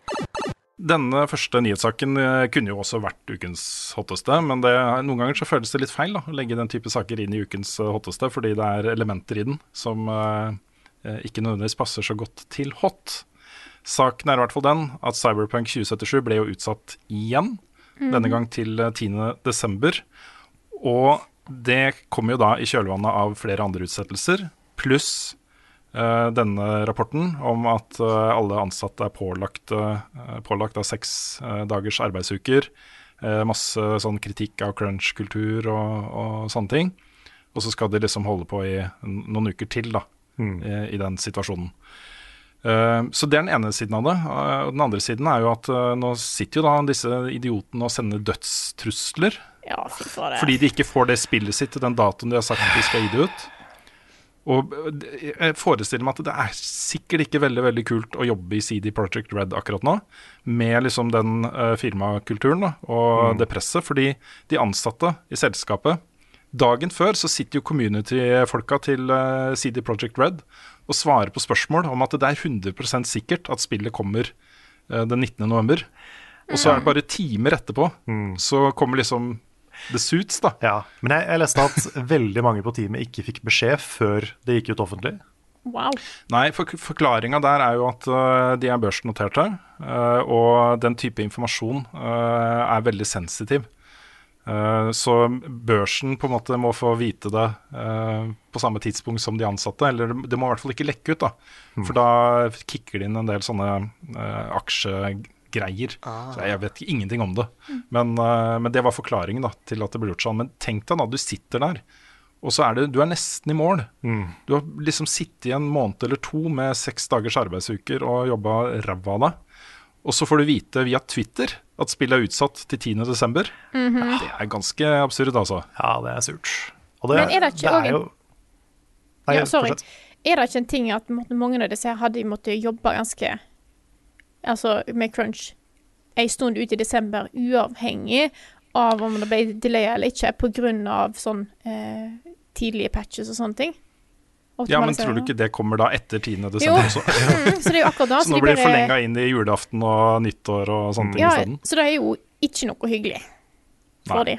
Nei, det er, det er, mye sånn grums rundt dette her. Jeg kjenner at det, det, kommer til å bli vanskeligere enn vanlig å bare se på Cyberpunk 2077 som et et, eh, et kulturprodukt som vi skal vurdere for det det er, ikke pga. hvordan de ansatte blir behandla og sånne ting. Det kommer til å bli, jeg, tror nok at jeg kommer til å måtte touche innom det eh, i anmeldelsen. Um, men um, uh, det er jo en uh, jeg, jeg vet ikke, altså. Folk må jo bare gi seg, da. Det er, det er bare et spill, liksom. Det kommer. Det kommer en gang, og det kommer sikkert til å bli bra, liksom. Om du må utsette da den gleden uh, i noen uker, det er ikke noe megastort problem. Selv ikke for de som har uh, i god tid i forveien da, uh, tatt seg fri fra jobben og ikke kan endre det, liksom. Mm. Du har tatt deg fri den 20. for å spille Cyberpunk. Du overlever det også, på en måte. Ja, det, Det fins andre ting å spille også. Mm. Det er tre uker det er snakk om. Ja. Ikke altså- kom med altså- drapstrusler mot folk. Ikke gjør det uansett, egentlig. Det er en dårlig idé, Nei. og det er dårlig gjort. Ja, jeg Mm. kommer ikke på spesielt mange situasjoner der hvor drapstrusler er innafor. Nei. Nei, Det, ikke heller. men eh, altså, du kan jo på internett så får du jo drapstrusler hvis du sier at du ikke liker agurk, liksom. Um, men Ananas på pizza. ananas på pizza, ikke minst. Eller hvilken julebrus som er best. Um, men jeg hadde et håp da om at delays ikke ville være den der store rage-tingen som det har vært før. Fordi jeg har fått inntrykk av at folk er mye mer aksepterende nå enn de var før for det at ting blir utsatt.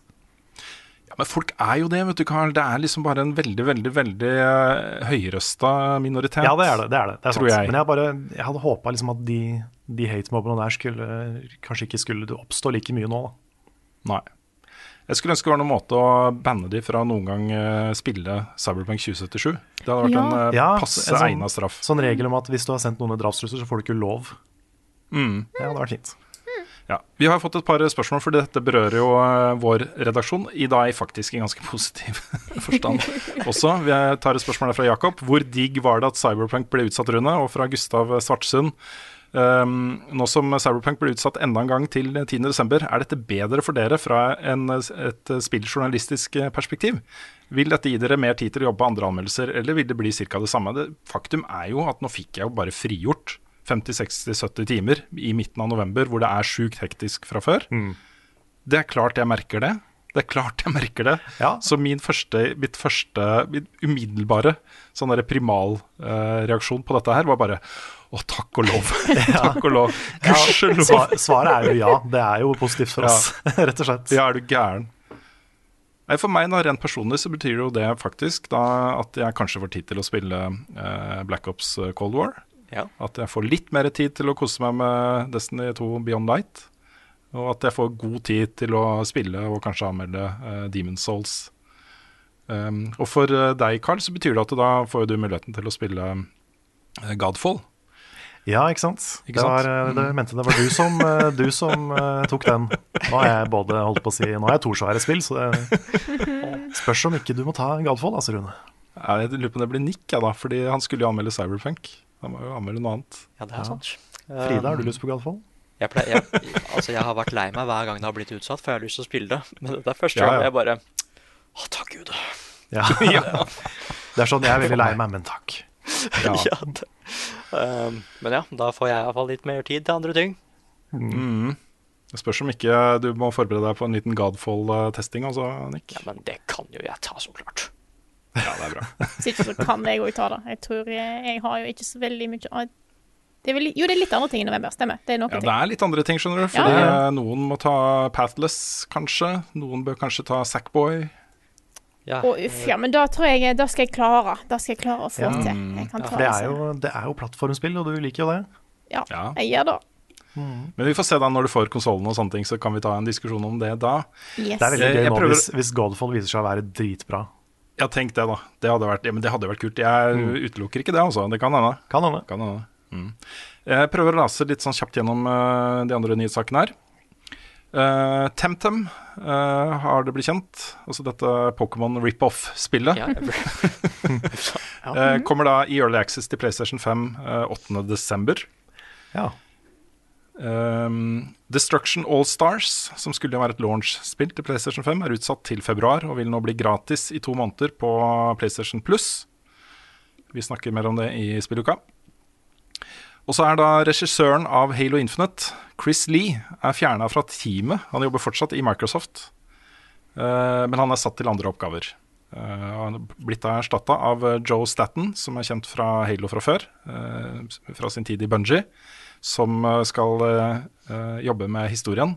Og Da så jeg at de bevisst ikke brukte ordet 'fikse historien'. Men det er vel kanskje det han skal gjøre. Mm. Er, ikke det, er, det da, er ikke det veldig seint i prosessen å begynne å fikse historien? Jo, det er veldig seint i prosessen. Og så er det en som heter Pierre Hintz, som skal eh, jobbe med multiplayer. Så det har kommet inn to nye folk på det prosjektet her. Og ingen vet jo da når eh, spillet kommer. Jeg tipper at dette betyr lengre utsettelser. For jeg hadde sett for meg at det kanskje skulle være klart da i februar, mars, april. Mm. Det kan godt tenkes at vi ser enda lengre tid. Og eh, grunnen til at disse tingene skjer, er jo den litt lunkne reaksjonen den første store gameplay-demonstrasjonen av dette spillet fikk. Mm. Så mm, ja, det skjer. Og så var det jo en, en Nintendo Direct uh, i, på onsdag, hvor det ble da kjent at Control kommer til Switch. Men i en cloud-versjon, akkurat sånn som med Resident Evil 7 og Fantasy Star, Fantasy Star, Online, så spiller du det ikke på Switchen, men du spiller det via The Cloud. Altså du streamer spillet, rett og slett. Mm. Det er litt interessant. Er det, men er ikke det første mm. gangen det har kommet ut av Japan også? Fordi det har vært en ting i Japan en stund. Mm, men, ja, jeg, kan ikke, jeg har i hvert fall ingen erfaring med streaming av spill på Switch. Nei, jeg vet ikke hvor bra det funker. Men uh, det er jo en interessant løsning på spill som er grafikkintensive. Mm. Det kommer en uh, Next Generation Update til uh, No Man's Sky Next. Nei, No Man's Sky. ja, nå leste jeg først. Ah, pokker også. Det kommer en Next Generation Update til No Man's Sky ja. med de nye konsollene. Uh, som også vil uh, gi forbedringer på PC så, og på PlayStation 4 og Xbox One. Uh, det er snakk om da forbedra detaljrikdom og grafikk på alle plattformer. Og så vil den også få en ultramodus på PlayStation 5 og Series X, som gir deg 60 FPS 4K på de to konsollene. Så det var interessant. Gratis da for alle som eier spillet. Uh, Ubisoft har også kartlagt litt hva de skal gjøre med sine eksisterende og fremtidige uh, spill på neste generasjon. Gjennomgangstonen der er jo bruk av haptisk kontrolleren til PlayStation og HDR og sånne ting. og i tillegg så vil liksom nesten rubbel og bit få 4K 60 FPS-versjoner til de nye konsollene. unntaket der er um, Rainbow Six Siege som får 120 FPS. Oh mm. Det er så mange, da. Ja, det er, mye mange FPS. Ja, sånn, som vi, sånn som vi snakket litt om i spilluka denne uka her også, så eh, jeg, jeg, tror liksom dette blir et, eh, et mål da, for mange som lager kompetitive spill, og særlig skytespill og bilspill kanskje, og litt sportsspill. Får de til 120 FPS på konsoll, så er det mye nærmere den der jevne eh, playing ground, da, når man snakker crossplay og sånne ting. Mm. Så, ja, så det er interessant. Oppdaga jo en liten strekk i regningen der i går. Fordi mm. vi har jo kjøpt nye TV-er for å kunne spille ja. 120 frames-spill, Rune. Ja. Men det jeg ikke tenkte på, er at eh, den uh, konsollen min går jo da gjennom en opptakerboks som har maks 1080P og uten HDR. Ja. Og 60 mm. frames. Så alle de kule funksjonene er liksom skrudd av. så jeg har ja. gått innkjøp nå av et nytt kort som støtter litt mer moderne ting. Det var nok fornuftig. Jeg har allerede begynt å tenke at på et eller annet punkt så bør vi begynne å vurdere å teste ut og klippe i 4K. Ja, da kan det hende vi må ha større PC-er, holdt på å si. Men vi får se. Ja, vi fikk tips, uh, vi fikk noen tips på Discord jeg, mm. om, fra noen om at vi kan bruke sånne proxy-filer. Ja, det har jeg begynt å gjøre faktisk i. OBS-opptak. Det er faktisk ja, det er veldig smart. Mm. Så det går an. Bra, bra, bra. Det kommer et nytt Crash Bandicoot-spill neste år til mobil, som heter On The Run. Det er en Endless Runner, og alle som har spilt en del på mobil Det er en sånn Subway Surfer og alle disse spillene her. De, de ser helt like ut. Men det er da med Crash Bandicoot og alle animasjonene og items og power-ups og sånn som du kjenner fra den. Og de utviklerne sier da at uh, du må forberede deg på at det har uh, over 100 timer med innhold. Er du hypa, Nick? Nei. Nei, de får, de får bare det blir, det blir, sikkert gøy. Ja, men det er jo mm. teknisk sett endless innhold. Det er en endless runner. ja da, det er det. Mm. Jeg hopper videre til uh, Netflix, hvor det kommer en ny TV-serie basert på Assassin's Creed. Ja. Live action Live action TV-serie. Er det Michael Fassbender igjen? Nei, det er ingen, ingenting er kjent om verken manusforfattere eller noen sånne ting, men det er uh, det er uh, fra han som er liksom TV- og filmansvarlig i Ubisoft. Det er en av de som er ansvarlig. Og så andre var eh, Hva var det han gjorde igjen? Jeg husker ikke i farta. Men eh, kjent fra noe et eller annet. som executive producers, da. Men hvem som er regissør, og hvem som er skuespiller, og hva det skal handle om, ingenting av det er kjent ennå. Dette er jo helt sikkert basert på suksessen med The Witcher-TV-serien, vil jeg tro. Også, Det er derfor de tør å gjøre det. Eller har lyst til å gjøre Det Det kommer jo også en, eh, en CGI, uh, Resident Evil-serie, til Netflix. Eh, Fifa 21 har fått dato til, eh, for sin neste generasjonsversjon til PlayStation 5 og eh, Series S og X. Det er 4. desember. Og så har eh, eh, AMD kommet med eh, sin eh, utfordrer til RTX-kortene til Nvidia, altså 30-serien. Eh, de vil bli an lansert allerede nå i november og desember, og vi snakker sånn nesten bortimot halve prisen i noen tilfeller, men i hvert fall sånn betydelig lavere pris, da. Eh, kortene heter RX 6800, RX 6800 XT og da toppmodellen RX 6900 XT. Eh, 6800 blir da motsvaret til 3080 fra Nvidia. Eh, Men det vil bli, eh, altså ikke vesentlig, men billigere. Eh, Den vil eh, ligge på rundt 650 dollar, altså 6500 kroner. Eh, Mens da 38-kortene starter jo på 7000-8000 eh, oppover. Eh, Og den til den toppmodellen av 6900 rundt 10 000 kroner. Og der starter du på sånn 16-17 på Nvidia. Så det har vært noen eh, tester uh, fra AMD hvor uh, i noen spill, da, eh, Borderlands 3 blir jo trukket fram som et eksempel, så scorer da 6900 bedre enn eh, 3090-kortet til, um, til uh, Nvidia. På en del parametere, da, når man tester sånne ting. Så eh, kan være verdt å snuse litt på for alle som ikke får tak i et RTX-kort, eh, RTX 30-kort, da, eh, før jul. Og så nevnte jeg at vi har snakket litt om Alex Hutchinson og Twitter-uttalelsen hans som eh, streamere og youtubere i spilluka, så vi tar ikke noen lang diskusjon på det her. Jeg anbefaler bare folk da å ta en, en kikk på denne episoden hvor vi går litt gjennom det i mer detalj, du og jeg, Carl. Hva kommer egentlig nå? Jeg har ikke peiling. Hva kommer nå? Til denne ukas Wildcard-spalte så har vi tatt litt inspirasjon fra en diskusjon som har vært i Level Up Community på Facebook denne uka her. Og dette er òg noe vi har fått veldig veldig mye spørsmål om, eh, så derfor tar vi det. Og det er rett og slett at vi har satt opp vår topp ti-liste for denne spillgenerasjonen. Eh, og- som vi har valgt å definere som altså, spill på PlayStation 4, Xbox One og Switch, eh, men òg PC-spill innenfor samme tidsperiode. Ja, for det er på en måte tidsperioden. Vi skal Ja. ta status før en ny generasjon kommer, på en måte. Og det er jo rart, for ny, altså Switch er jo fortsatt midt i sin levetid. Eh, Ja, kommer det 4K-versjonen av neste år, ikke sant? ja, Og så blir det ja, Ja, sant. og så hadde du òg sånn, Wii U fantes jo på PlayStation 4. Ja, sant, så det er jo, men vi har i hvert fall tatt og definert det sånn denne gangen her. Det blir veldig omtrentlig, da. Ja. Men sånn cirka. Ja. Da, eh, Carl, skal du få æren av å starte dette her ballet her. Takk, takk. Nei, fordi jeg har jo definert det annerledes. Ja, du, ja, Sånn sånn rett rett etter din forklaring, så er jeg kommet med en helt annen. Eh, fordi jeg tenker liksom veldig mange av de topp 10-listene jeg har laga før, sånn for hvert år og den vi hadde i podcasten i fjor og sånne ting, um, den hadde blitt ganske lik som den lista her. Fordi veldig mange av spillene er fra den generasjonen her. Så jeg har begrensa meg til bare spill som er konsolleksklusive, som ikke fins på PC. OK. Og da var det litt vanskeligere å lage liste, men jeg prøvde det. Eh, Så det vil si at ikke noe Undertale, ikke noe eh, Night in the Woods, ikke noe, ingenting som også er på PC. Siden det er en ny konsollgenerasjon, så tenkte jeg det. det Men du, Ja. Undertale kommer jo på Switch. ja, men det er på PC, vet du. Ja, så du har tatt vekk alle spill som òg er på PC?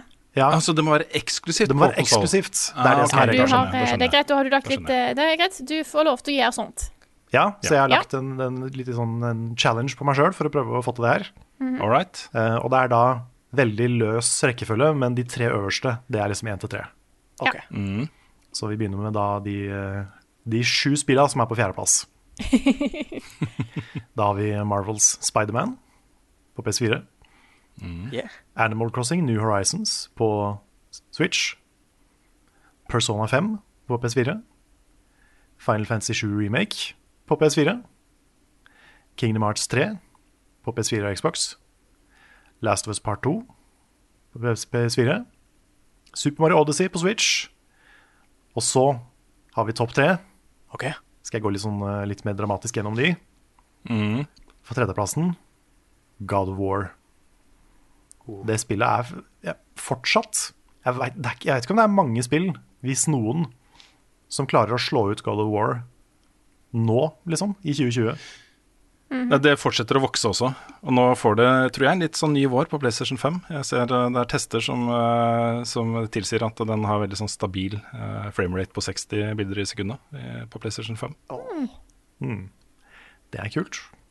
Så jeg er, jeg er veldig gira på å spille gjennom God of War igjen. På andreplass har jeg Breath of the Wild. Fordi beste Zelda-spillet jeg har spilt noen gang, tror jeg. Tror, tror, tror det har overgått Majora's Mask som favoritten min.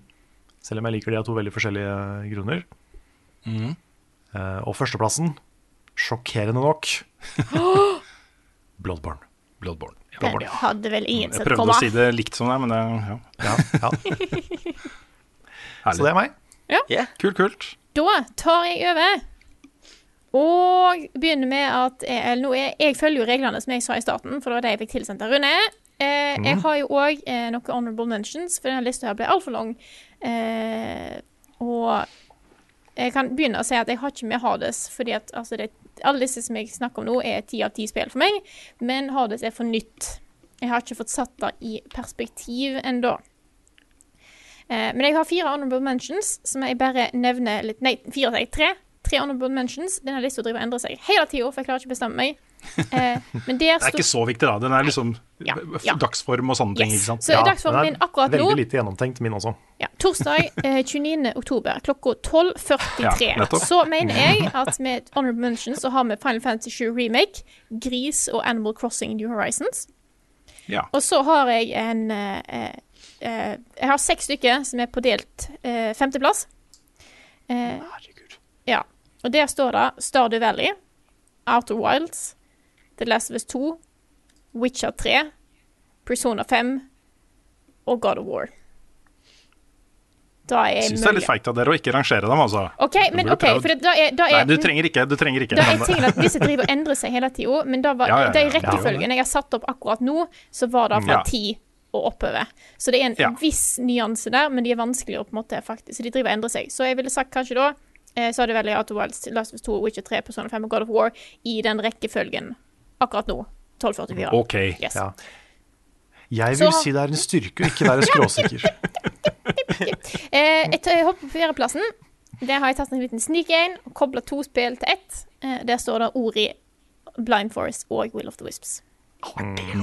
Ja. For da har jeg, tenkt, da har jeg eh, alltid gjort på de andre listene mine, fordi at jeg føler at Ja. de to henger sammen. Eh, Det er helt greit. Mhm. Tredjeplass, Celeste. Faen for et spill det er. Eh, Mm. Jeg har jo, siden jeg endte opp med at Celeste er over God of War for min del, selv om det var noe annet i 2018, så måtte den opp der.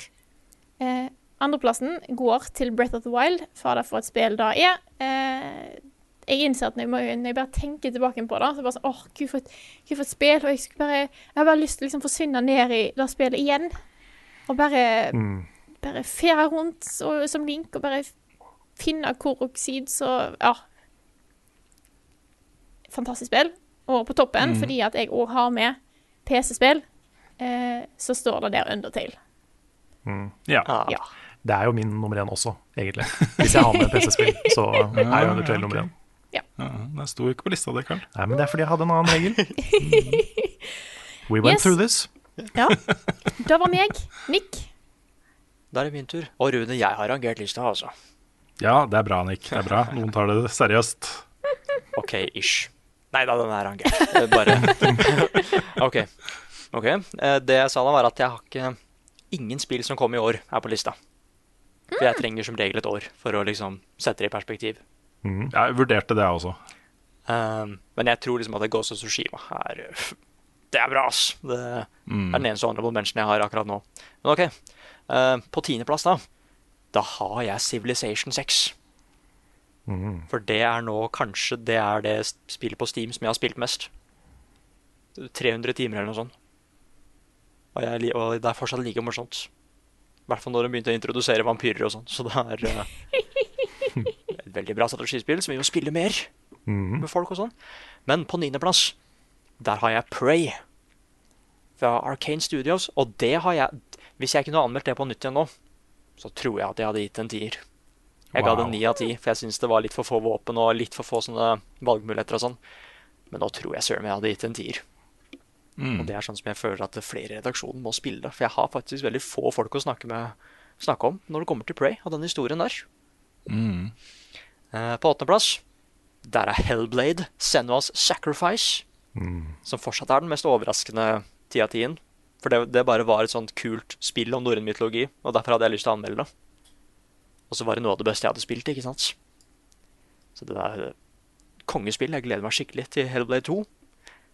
Um, på sjuendeplass da så har vi Octopath Traveler, som, kom, som spilte på Switch. Uh, som er et av de beste soundtracksa jeg har hørt. Ja. Det er helt konge, og jeg hører på det stadig vekk. Eh, på sjetteplass da så har vi enda et spill uh, på Switchen, og det er jo Fire Emblem Three Houses. Som jeg også har sånn over 200 timer i. Det er det jeg har spilt mest på Switch. Eh, men det var, liksom, det var akkurat det den serien trengte. da. Det var liksom akkurat det jeg liksom ba om, var i det spillet. Og mer, liksom. Og det var kjempelangt, at du kunne liksom Det er sånn tre-fire forskjellige playtrues. Så det var veldig, veldig bra. Men på femteplass så har jeg Death Stranding. Um, for jeg tenker fortsatt på det spillet. Mm, skjønner hva du mener. At det, det, det, var litt slitsomt å gå gjennom Amerika og sånn. Det var det. Eh, jeg mista mange bokser og gjorde ikke alle oppdraga og sånn, men åh, de siste Det er så gøy. De siste ti timene der, liksom, eh, slutten av spillet, det, det er Det var så fett. Det var helt konge. Og det er uten tvil det jeg husker best av det spillet. her, var den slutten. Det tok litt tid å komme seg dit, men det var så verdt det. da. Eh, og så fikk vi alle svara. Det var så mye mysterium rundt det spillet, så fikk vi alle svara. Det likte jeg veldig godt. Eh, på fjerdeplass så har vi Red Dead Redemption 2. Eh, nå begynner det å bli litt sånn forandring i lista mi her, ut ifra topp, eh, topplistene jeg har hatt òg. Fordi jeg syns det er et kjempebra spill. Men jeg har begynt å tenke litt på de andre spillene litt mer òg, da, som er på toppen av lista nå. Mm. Eh, så det er, det ikke så stor overraskelse hva som er på topp tre, men i hvert fall de tre spillene. Fordi på tredjeplass der har jo jeg God of War. Jeg er kjempespent på det neste spillet. Det er fortsatt favorittspillserien min, liksom. Uh, og det at det var norrøn mytologi Det har vært hinta til så mye, vet du. Da var det så kult at det var en At det faktisk ble en greie. Spillet var også veldig bra. Det må jeg si. Det var helt, kjempe, kjempebra. Og jeg har lyst til å spille det igjen hvis det er 60 bilder i sekundet på PlayStation 5. Jeg tror jeg skal gjøre det. altså. Det er godt, liksom, det er et perfect opportunity. Men uh, på andre- og førsteplass jeg, jeg har jo hatt et spill på topplista ganske Eller ikke sånn superlenge nå, men ok, på andreplass, da, der har jeg Spiderman. Eh, og på førsteplass så har jeg Nier Automata. Men Spiderman begynner å gå litt uh, Det kan godt hende at om et par måneder så er kanskje det på toppen. Eh, mest fordi at det, det kommer også litt an på åssen Miles Morales er, så klart. Men det er litt sånn derre jeg, jeg tar meg selv og tenker liksom flere ganger nå at bare Fy fader, det spillet er bra, ass! Og det er liksom det, det? beste, det er en av de beste Spiderman-historiene også. Og jeg har sett mange videoer av liksom folk som sier bare 'Hvem er det som gjorde Spiderman best?' ikke sant? Og det er liksom Tom Holland og Andrew Garfield og sånn. Og ja, Yuri Lomethold gjorde Spiderman best. I hvert fall Peter Parker-delen, liksom. De, jeg jeg syns de gjorde alt riktig i det spillet der. Men, eh, men Nick, Ja. Hvilken plass havner Spiderman på med det nye ansiktet til Peter Parker? Nei, det er ikke på lista. Det er helt uh, det, Jeg burde nesten lage video av det bare for å få det ordentlig ut. Hvor dårlig idé det var. Men Ja, Uh, ja den skal være 40 minutter lang. ja, Ja. 40 minutter. Men du har jo du har en ny spilluka-spalte, Nick. Kanskje du kan gjøre det der? Ja. Ja, at hele den spalten handler bare om ansiktet til Spiderman, ja. Ja, alle episodene. ja. Alle episodene. Hver andre uke så kommer jeg bare Ja. Og forresten, det der ansiktet til Spiderman. Vi mest, I dag er det stemme på nesa. I morgen og neste det er to uker Ja. ser vi på ørene. Og så øya og håret. Ja, sånn sammenligning. Dette håret ser sånn ut. Mm. Sett opp mot ja.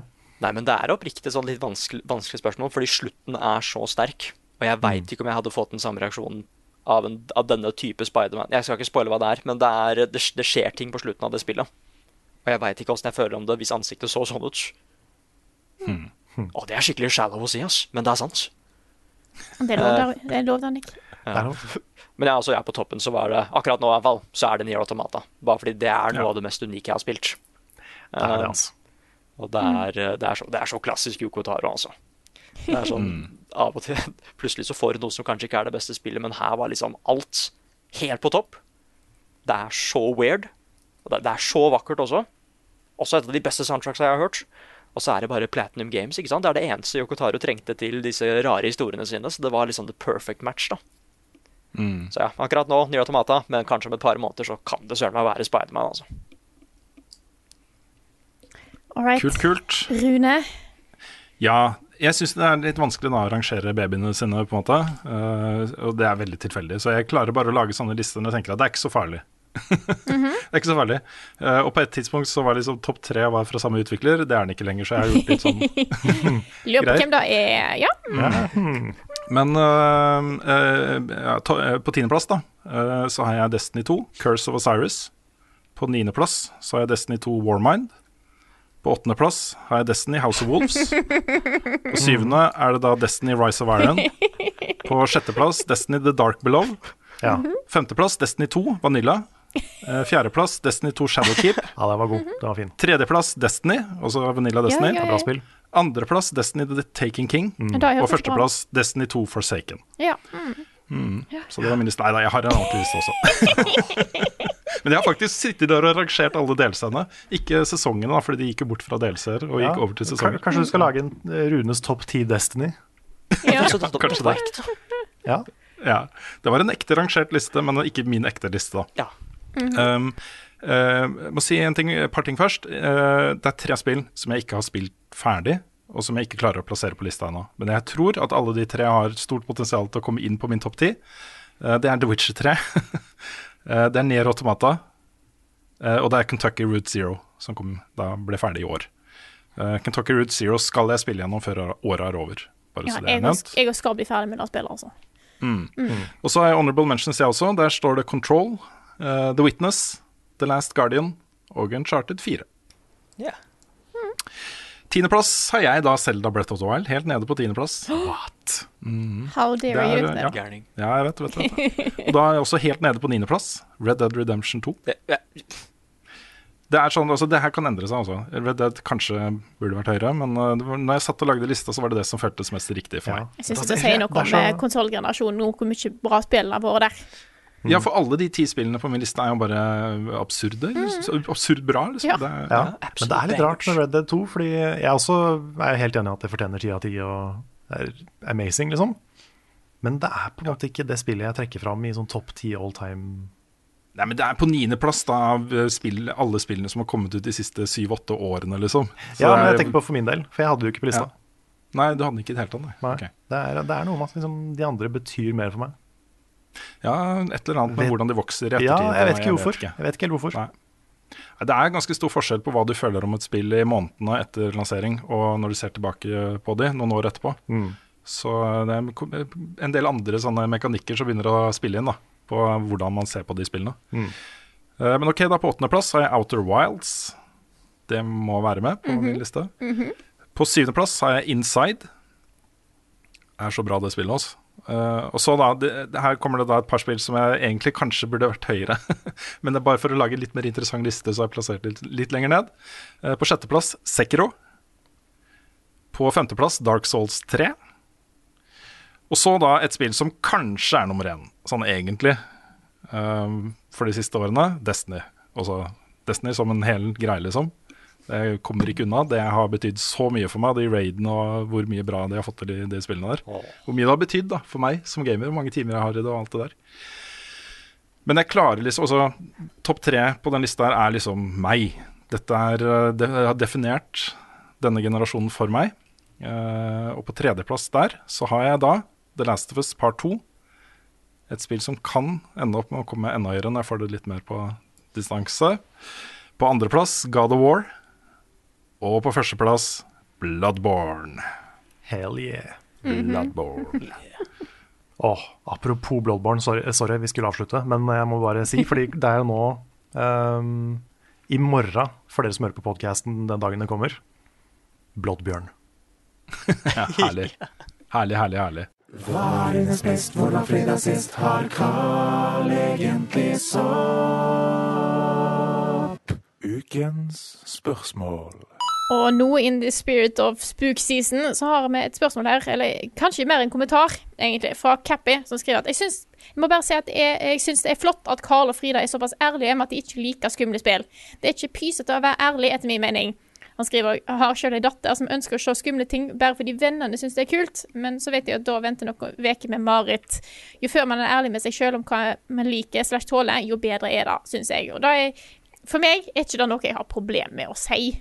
Eh, Nei, så kan nei. folk si akkurat det de vil. At jeg er er litt småpyse på dette her, det, ja. Mm. Altså, jeg tuller litt med det, men det er bare fordi, eh, fordi jeg eh, har lyst til å på en måte oppleve horror sammen med Carl. Ja. Det er, det er bare derfor. Og det, det at du ikke liker det, har ikke noe med saken å gjøre. Det er Nei, bare, nei. Jeg syns det er litt morsomt. Nei, fordi jeg syns det er forskjell på meg og Lars der. Fordi eh, vi spilte jo Until Dawn på YouTube, begge to. Ja. Og der var det Mm. veldig tydelig å se forskjellen på Lars og meg. Ja. Fordi Lars har jo de der morsomme sånn 'å, shit'-reaksjonene, ikke sant? Mens jeg sitter bare der og har det vondt. Ja. Jeg sitter bare der i stillhet og bare ynker meg, liksom, og det er ikke gøy. Nei, Så jeg, jeg, jeg tror ikke jeg er så veldig sånn underholdende skremt. For det var jo akkurat det samme jeg gikk gjennom da jeg av en eller annen grunn skulle spille Zoma på YouTube. Hva, hva var det for en idé? Ja, det stemmer. Eh, og for det, Jeg hadde jo et tidspunkt der jeg var altså så redd, og da blir jeg veldig stille. Eh, så jeg har, jeg vet ikke om jeg har nevnt det før, men i, det er noen tidspunkt der jeg på en måte bare snudde meg inn i en vegg. For da var det ingenting som endra seg på videoen. Så trykte jeg på pause, eller bare lot det stå, mens jeg gikk og gjorde noe annet i sånn ti minutter, et kvarter. Mm. Før jeg gikk tilbake igjen og prøvde å klippe det sånn at det skulle se seamless ut. At det da ikke hadde skjedd. Eh, Så jeg vet ikke hvorfor jeg ja. spiller det på YouTube. Altså, det var en dårlig Jeg er jo ganske glad i horror. Jeg tror det er litt fordi um, jeg liker litt å surfe på den der følelsen. Jeg, jeg kommer til å dø, jeg kommer til å dø, jeg dør ikke, hei! ikke sant? Altså den, uh, den greia der, da. Den er litt sånn Jeg, jeg blir litt opp, oppjaga av det. Jeg syns det er kult. Mm. Men jeg også sitter når jeg sitter og ser um, uh, skumle filmer og sånt. Jeg henter fram puta også. Jeg gjør det. Det er ikke alt jeg ser. Nei, Nei for jeg har, jeg har merka spesielt det siste året, så har jeg blitt litt tøffere. Eh, eller jeg vet ikke om jeg blitt tøffere engang, men jeg har, um, jeg har sett mer ting som kan defineres som løst som horror. da Sånn som Lovecraft Country og sånne type ting. Og jeg elsker jo det. Uh, sammen med da de uh, spillene vi snakka om tidligere, Little Hope og Man of Man og sånn. Og jeg tror det jeg ikke liker, sånn veldig først og fremst, det er å se på folk som har det vondt. Ja. Det Så det jeg filmer og sånt har aldri vært nok for meg. Nei, for jeg, jeg, jeg har sett de tre første så-filmene, og den første var jo bra, for den, det er jo en bra film. Yeah. Uh, men den var fæl å se på, og de to neste var sånn Da jeg så de, så kjente jeg at vet du hva, jeg trenger ikke å se flere. Jeg syns det her ble bare for nasty, og det ble torture porn. Det er ikke, ikke for meg i det hele tatt. Så det klarte jeg ikke lenger. Så der, der går grensa. Når det blir sånn her, sånn her tortur og smerte og vondt og fælt, og folk som er livredde og sånn, det liker jeg ikke. Men, eh, men nei, det er no shame i å ikke like det. Så eh, live your truth, everybody. Yes. Jeg er litt glad i den splatter-delen av det, som fra gamle Peter Jackson-filmer og sånn Braindead og, og sånne ting. Jeg syns det er litt gøy, da. Uh, men når det gjøres i fullt alvor, på en måte, Ja, for bare det- for å få folk til å ha det ubehagelig når de ser på, Ja. så er jeg ikke helt med på det. Nei, for det er noe med det å, når det er litt cartoony, på en måte. Sånn Kill Bill-cartoony, så, Mm. så er det ikke like ille. Nei.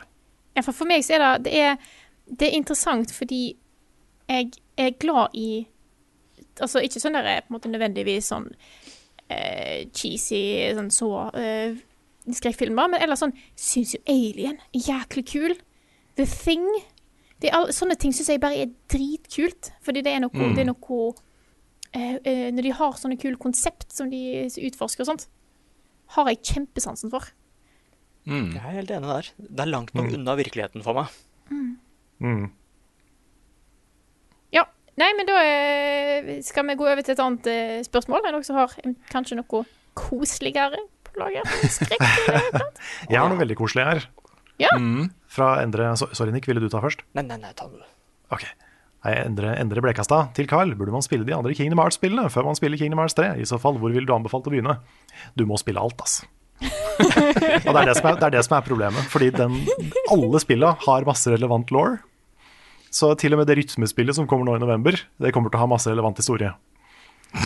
Så, sånn, sånn er det å spille Kingdom Hearts. Uh, Ja. Du kan jo se YouTube-serier, sånn som Hardcore, hvis du vil, eller um, andre ting, eh, for å catche opp, liksom. Men uh, det er egentlig ingen spill som kan skippes. Så eh, det, det beste er rett og slett bare å kjøpe de to samlepakkene som er på PS4 og Xbox One. Eller de er på GamePass også nå, tror jeg. Og bare begynne på eneren. Bare spille det i rekkefølge. Det er jo noen av spillene som kan skippes, da. Du kan jo skippe alle, liksom. Nei, du kan ikke skippe noen. Du kan, eh, det er ett du kan skippe, det er coded, recoded. Det kan du skippe. Og jeg, jeg kommer ikke til å take the, the bait, Rune. Destiny er et bæsjespill. Ja. Åh, yes. Ruben Du hadde et spørsmål, Nick? Ja, et, et hyggelig spørsmål. Mm. Um, som egentlig bare er Det var retta til meg, men jeg retter det også til Frida. da. Oh, yeah. Fordi hun er den eneste som har sett haiku. uh, fordi Peter Gjelstad spør er Nick og Frida interessert i volleyball etter å ha sett haiku. Selv så spiller jeg posisjonen middle blocker og elsker idretten. Og svaret på det er ja. Hvis den serien hadde kommet mens jeg gikk på skolen, så hadde jeg spilt volleyball. Da, eh, Volleyball er en kul, kul sport. Eh, jeg vet med liksom, jeg har, eh, jeg har prøvd det litt sånn opp igjennom i gymtimer og sånt, og det er jo en av de tingene jeg syns er gøyest, men jeg er så jæklig dårlig. Eh, så det er jo mest da, da. Eh, men jeg syns det er en, en ting jeg egentlig syns er litt kult. Volleyball. Yeah. Så, og så oppdager jeg Dette er jo nesten altså, Jeg må si det, Nick. Crunchyroll-appen min er jo dust fordi at den rangerer haiku-episodene så utrolig rart i sesonger. Så jeg visste jo det skulle komme mer, og så prøvde jeg på en måte å finne men det var ikke kommet mer. Men det var fordi at det lå ikke inne i sesong, nyeste sesongen, for det er jo noe filma. Det lå jo ikke inne i sesong seks, det var i sesong fire. Eh, så plutselig oppdager jeg nå eh, i helga at måtte, shit, det har jo kommet masse episoder, så jeg har sett alt. Og nå er jeg misfornøyd, for nå må jeg vente på mer. Ja. Det stod sånn fire-fem episoder du kunne se uten å Mhm, Oi, hva syns, hva syns du? Nei, det er jo dritbra. Ja, ikke sant? Ja, fy faen. Det er så sykt bra. Åh, ja. Hvis jeg skulle spilt volleyball, så hadde jeg vært eh, libero, tror jeg. Du tror det, ja? Ja. Hele oppgaven er å redde ballen ikke sant? før den treffer bakken. Eh, du må bare være litt kjapp. Det er flink. Ja, ja, ja. Så det hadde vært eh, min posisjon. Kanskje Kan jeg ta et Ja. spørsmål? Nei, hva, hva skulle Frida vært? Hva skulle Frida vært? Jeg tror jeg hadde Altså, jeg har jo lyst til å være Ace, for da er det kuleste, men jeg tror jeg hadde sett det. Jeg tror jeg hadde vært kult. Ja. Mm. Kageyama. Yes! Ja. Ja. Nei, vi har fått et spørsmål her fra Mr. Anderson på eh, Discord. eh, Som tar opp en sånn stor snakkis i uka som har gått. Fordi Aksel Hennie var jo gjest på Skavlan. Eh, Og spørsmålet da til Mr. Anderson er hva tenker dere om at kjendiser fronter gaming på lik linje med å trene på treningsstudio? Ref. Aksel Hennie-intervjuet på Skavlan. Selv er jeg kjempeglad for at hobbyen min blir mer og mer respektert for det det er. Og i det intervjuet med, på Skavlan så, eh, så snakker jo eh, Aksel Hennie mye om betydningen spill har hatt for han i uh, koronatiden.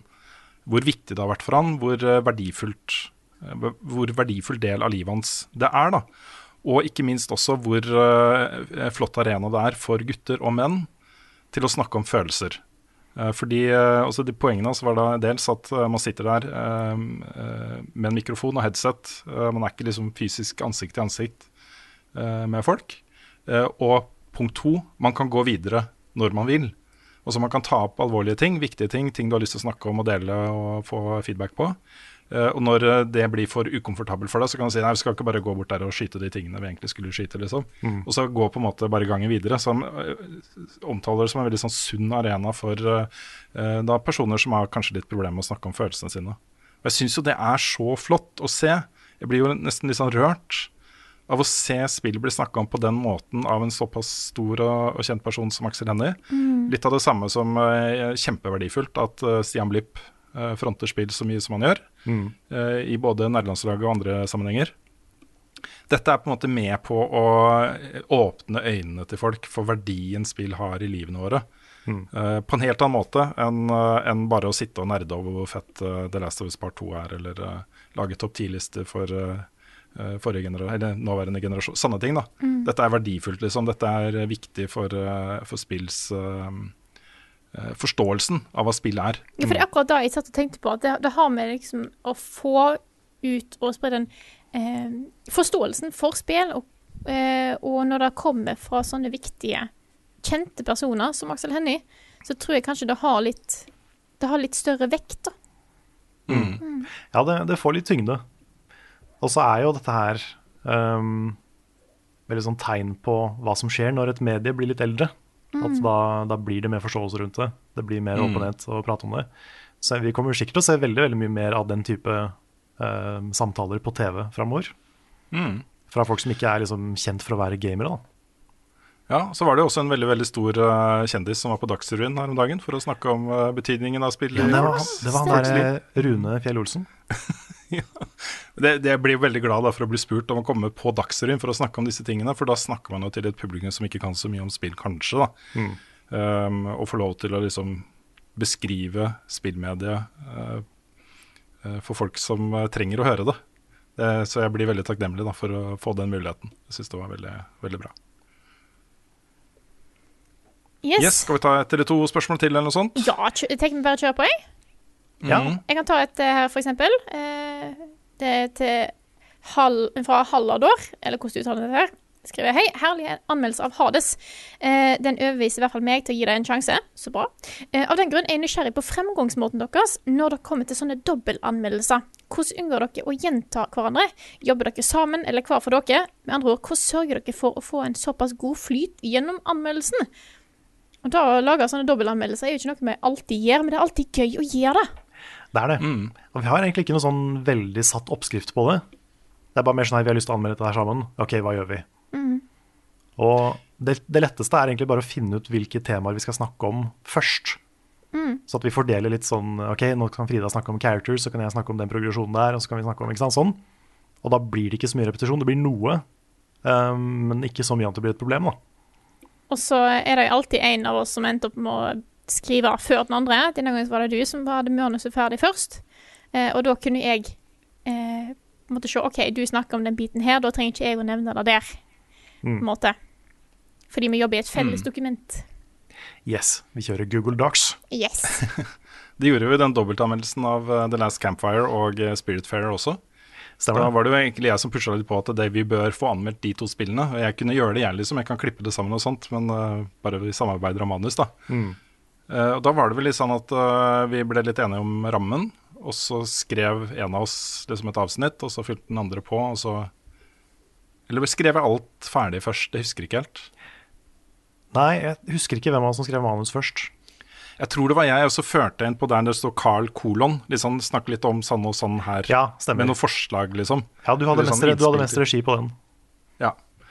Det er, eh, det er, jeg syns det er en fin måte å gjøre sånn eh, co-op-ting på. da. At man eh, får muligheten til å liksom mikse det opp a bit. Og så er det òg greit når vi er veldig enige om, eh, eh, om karakter, sånn som jeg og du var, Carl, men det har jo vært tidspunkt der vi ikke har vært da Var det ikke Overwatch, Nick, der du og Lars Jo, The Civil War. Hvem tror han at han er, han Lars? Nei, men det, jeg husker Det var en bra løsning, bare. ja Gi hver, gi hver sin score på spillet, liksom. Og det er jo ikke? det vi hadde gjort hvis ikke vi var enige også. Så, Sannsynligvis. ja. Så det jeg, Det sto vel egentlig i manus, eh, Carl, at du, på en måte, det var ferdig. Du sa liksom at vi gir det vår høyeste score. Og jeg bare sånn, men jeg har lyst til å være med og gi det ti av ti, så da sier jeg at vi gir det ti av Ja. ti etterpå. Sånn at jeg har fått sagt det. Men det var bra du gjorde det, fordi det, det var litt rart. Fordi jeg, jeg så, så også for meg at det skulle komme noe mer etterpå. ja, OK. Ja. Ja. ja, men det er bra. Så, um, for det var litt rart at det bare var jeg som konkluderte. Mm, ja, for det, Så det var bra du la inn den siste. Takk. Ja. Jeg har et eh, spørsmål her fra Markus eh, Kvangraven, eh, som jeg skal svare kort på. da. Hvem ser dere på eh, som våre framtidige målgrupper? Satser dere på de samme, eller prøver dere å nå ut til nye? Jeg lurer på dette, fordi om tre-fire år vil de nye 18-åringene ha et annet forhold til spill enn det 18-åringene fra fire år tilbake hadde. Og sånn Generelt sett så er på en måte målgruppa vår alle som er litt over middels interessert i spill. Altså, Dette handler om folk som bare er interessert i å ta liksom, spill på litt mer alvor enn bare det er fett å spille Fifa med kompisene mine. Uh, type diskusjoner og sånt. da. Det er, og den er veldig bred. Altså den er Mm. superbred. Du har uh, modne tolvåringer som eh, liker innholdet vårt, og du har uh, spillende besteforeldre som liker innholdet vårt. Og det er sånn skal det på en måte være. Og da vil jeg ikke si at, Men- det, liksom, at det, det betyr ikke at det er kun, vi kun er ute etter de som kaller seg sjøl ekte gamere. Eh, Nei, det nei, nei, det har bare- ikke noe med det å gjøre. Nei, alle bare som er litt interessert i spillmedier og har lyst til å se på en måte Ja. hva det kan tilby. Ja, det er helt riktig. Mm. Men det, som, det er jo litt basert på, på ressurser og, og eh, profil og eh, en del sånne redaksjonelle vurderinger vi gjør. da. Fordi eh, det hadde vært eh, bra, tror jeg, om vi hadde på en måte laget, Vi kunne lagd et uh, Level Up Junior-konsept for barn. Vi kunne lagd et Level Up Senior-produkt for uh, uh, pensjonister. Vi, vi kunne gjort en del sånne grep da, som jeg tror hadde vært veldig veldig bra, og som hadde sannsynligvis vært riktig eh, Mm. å gjøre. Vi har ikke ressurser til det nå, men eh, på et eller annet tidspunkt så kan det hende at vi kanskje vurderer å lage noen sånne eh, produkter da, Mm. som en sånn sideting.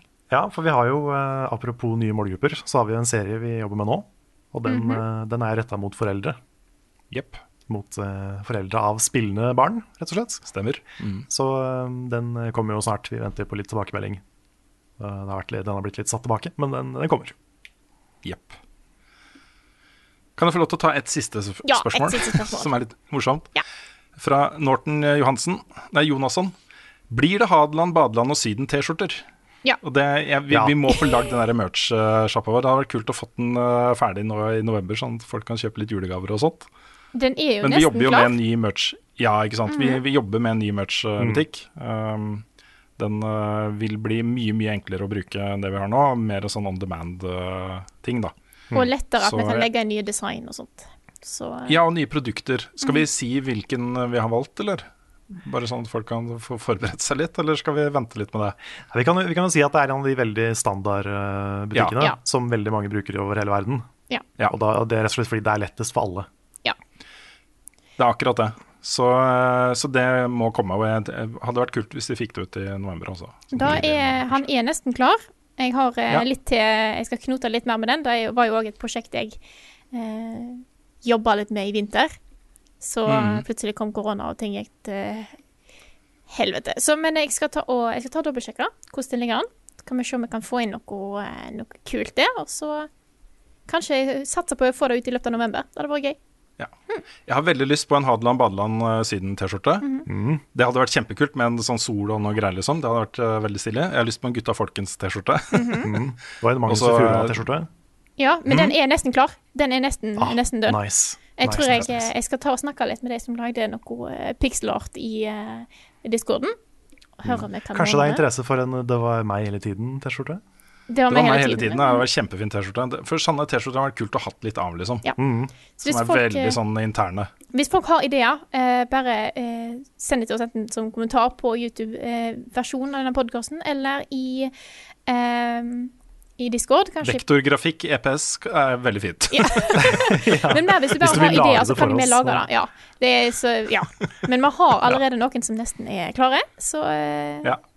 vi får se hva det blir. Kan vi eh, si såpass at det blir kaffekopp, eller? Det blir kaffekopp. Det har jeg Ja, allerede det blir kaffekopp. Ja. Ja, det er mest requested det er svart kaffekopp, er det ikke det? Ja. Så det blir Jeg tror de, tror de har det, så det kan vi få til. Mm. Nice. Så, eh, så bare til å vente litt, så kommer det eh, til, til ei nettside nær deg. Ikke at nettsider er sånn geografisk nære folk, men dere skjønner hva jeg mener. Skal vi ta og Ikke, det kommer ikke for fysisk salg. Nei, ikke fysisk salg. Nei, ikke fysisk salg. Så hvis du har med soveposen, så dessverre, altså. Så, mm. Og med da skal vi ta runden i denne podkasten her. Yes. Da gjør vi det.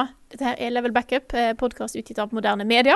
Låten i introen og outroen er skrevet av Ole Sønnik Larsen og arrangert og framført av Kyoshu Orkestra. Vignetten er lagd av fantastiske Martin Herfjord. Du finner mye mer innhold fra oss på youtube.com slash levelupnord, og følg oss gjerne på twitch.tv slash levelupnord, og følg med når vi går live der. Det er òg bare å bli med i discorden vår. Den finner du link til på Facebook-profilen vår. Men ellers er det òg en link eh, som fortsatt funker, som er discord.gg slash levelupnorge. Eh, Så gå inn der.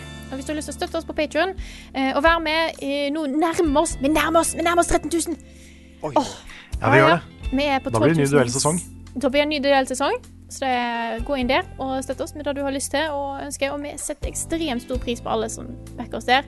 og alle dere nye. Tusen, tusen takk. Uh, og med det så sier jeg tusen takk for oss for denne uka her. Uh, takk for at du hørte på, og så snakkes vi igjen neste uke.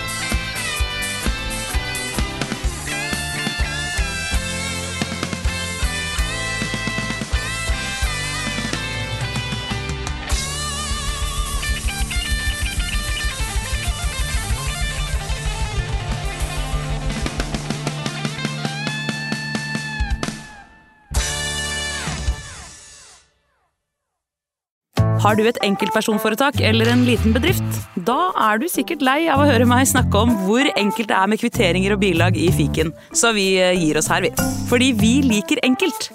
Fiken superenkelt regnskap.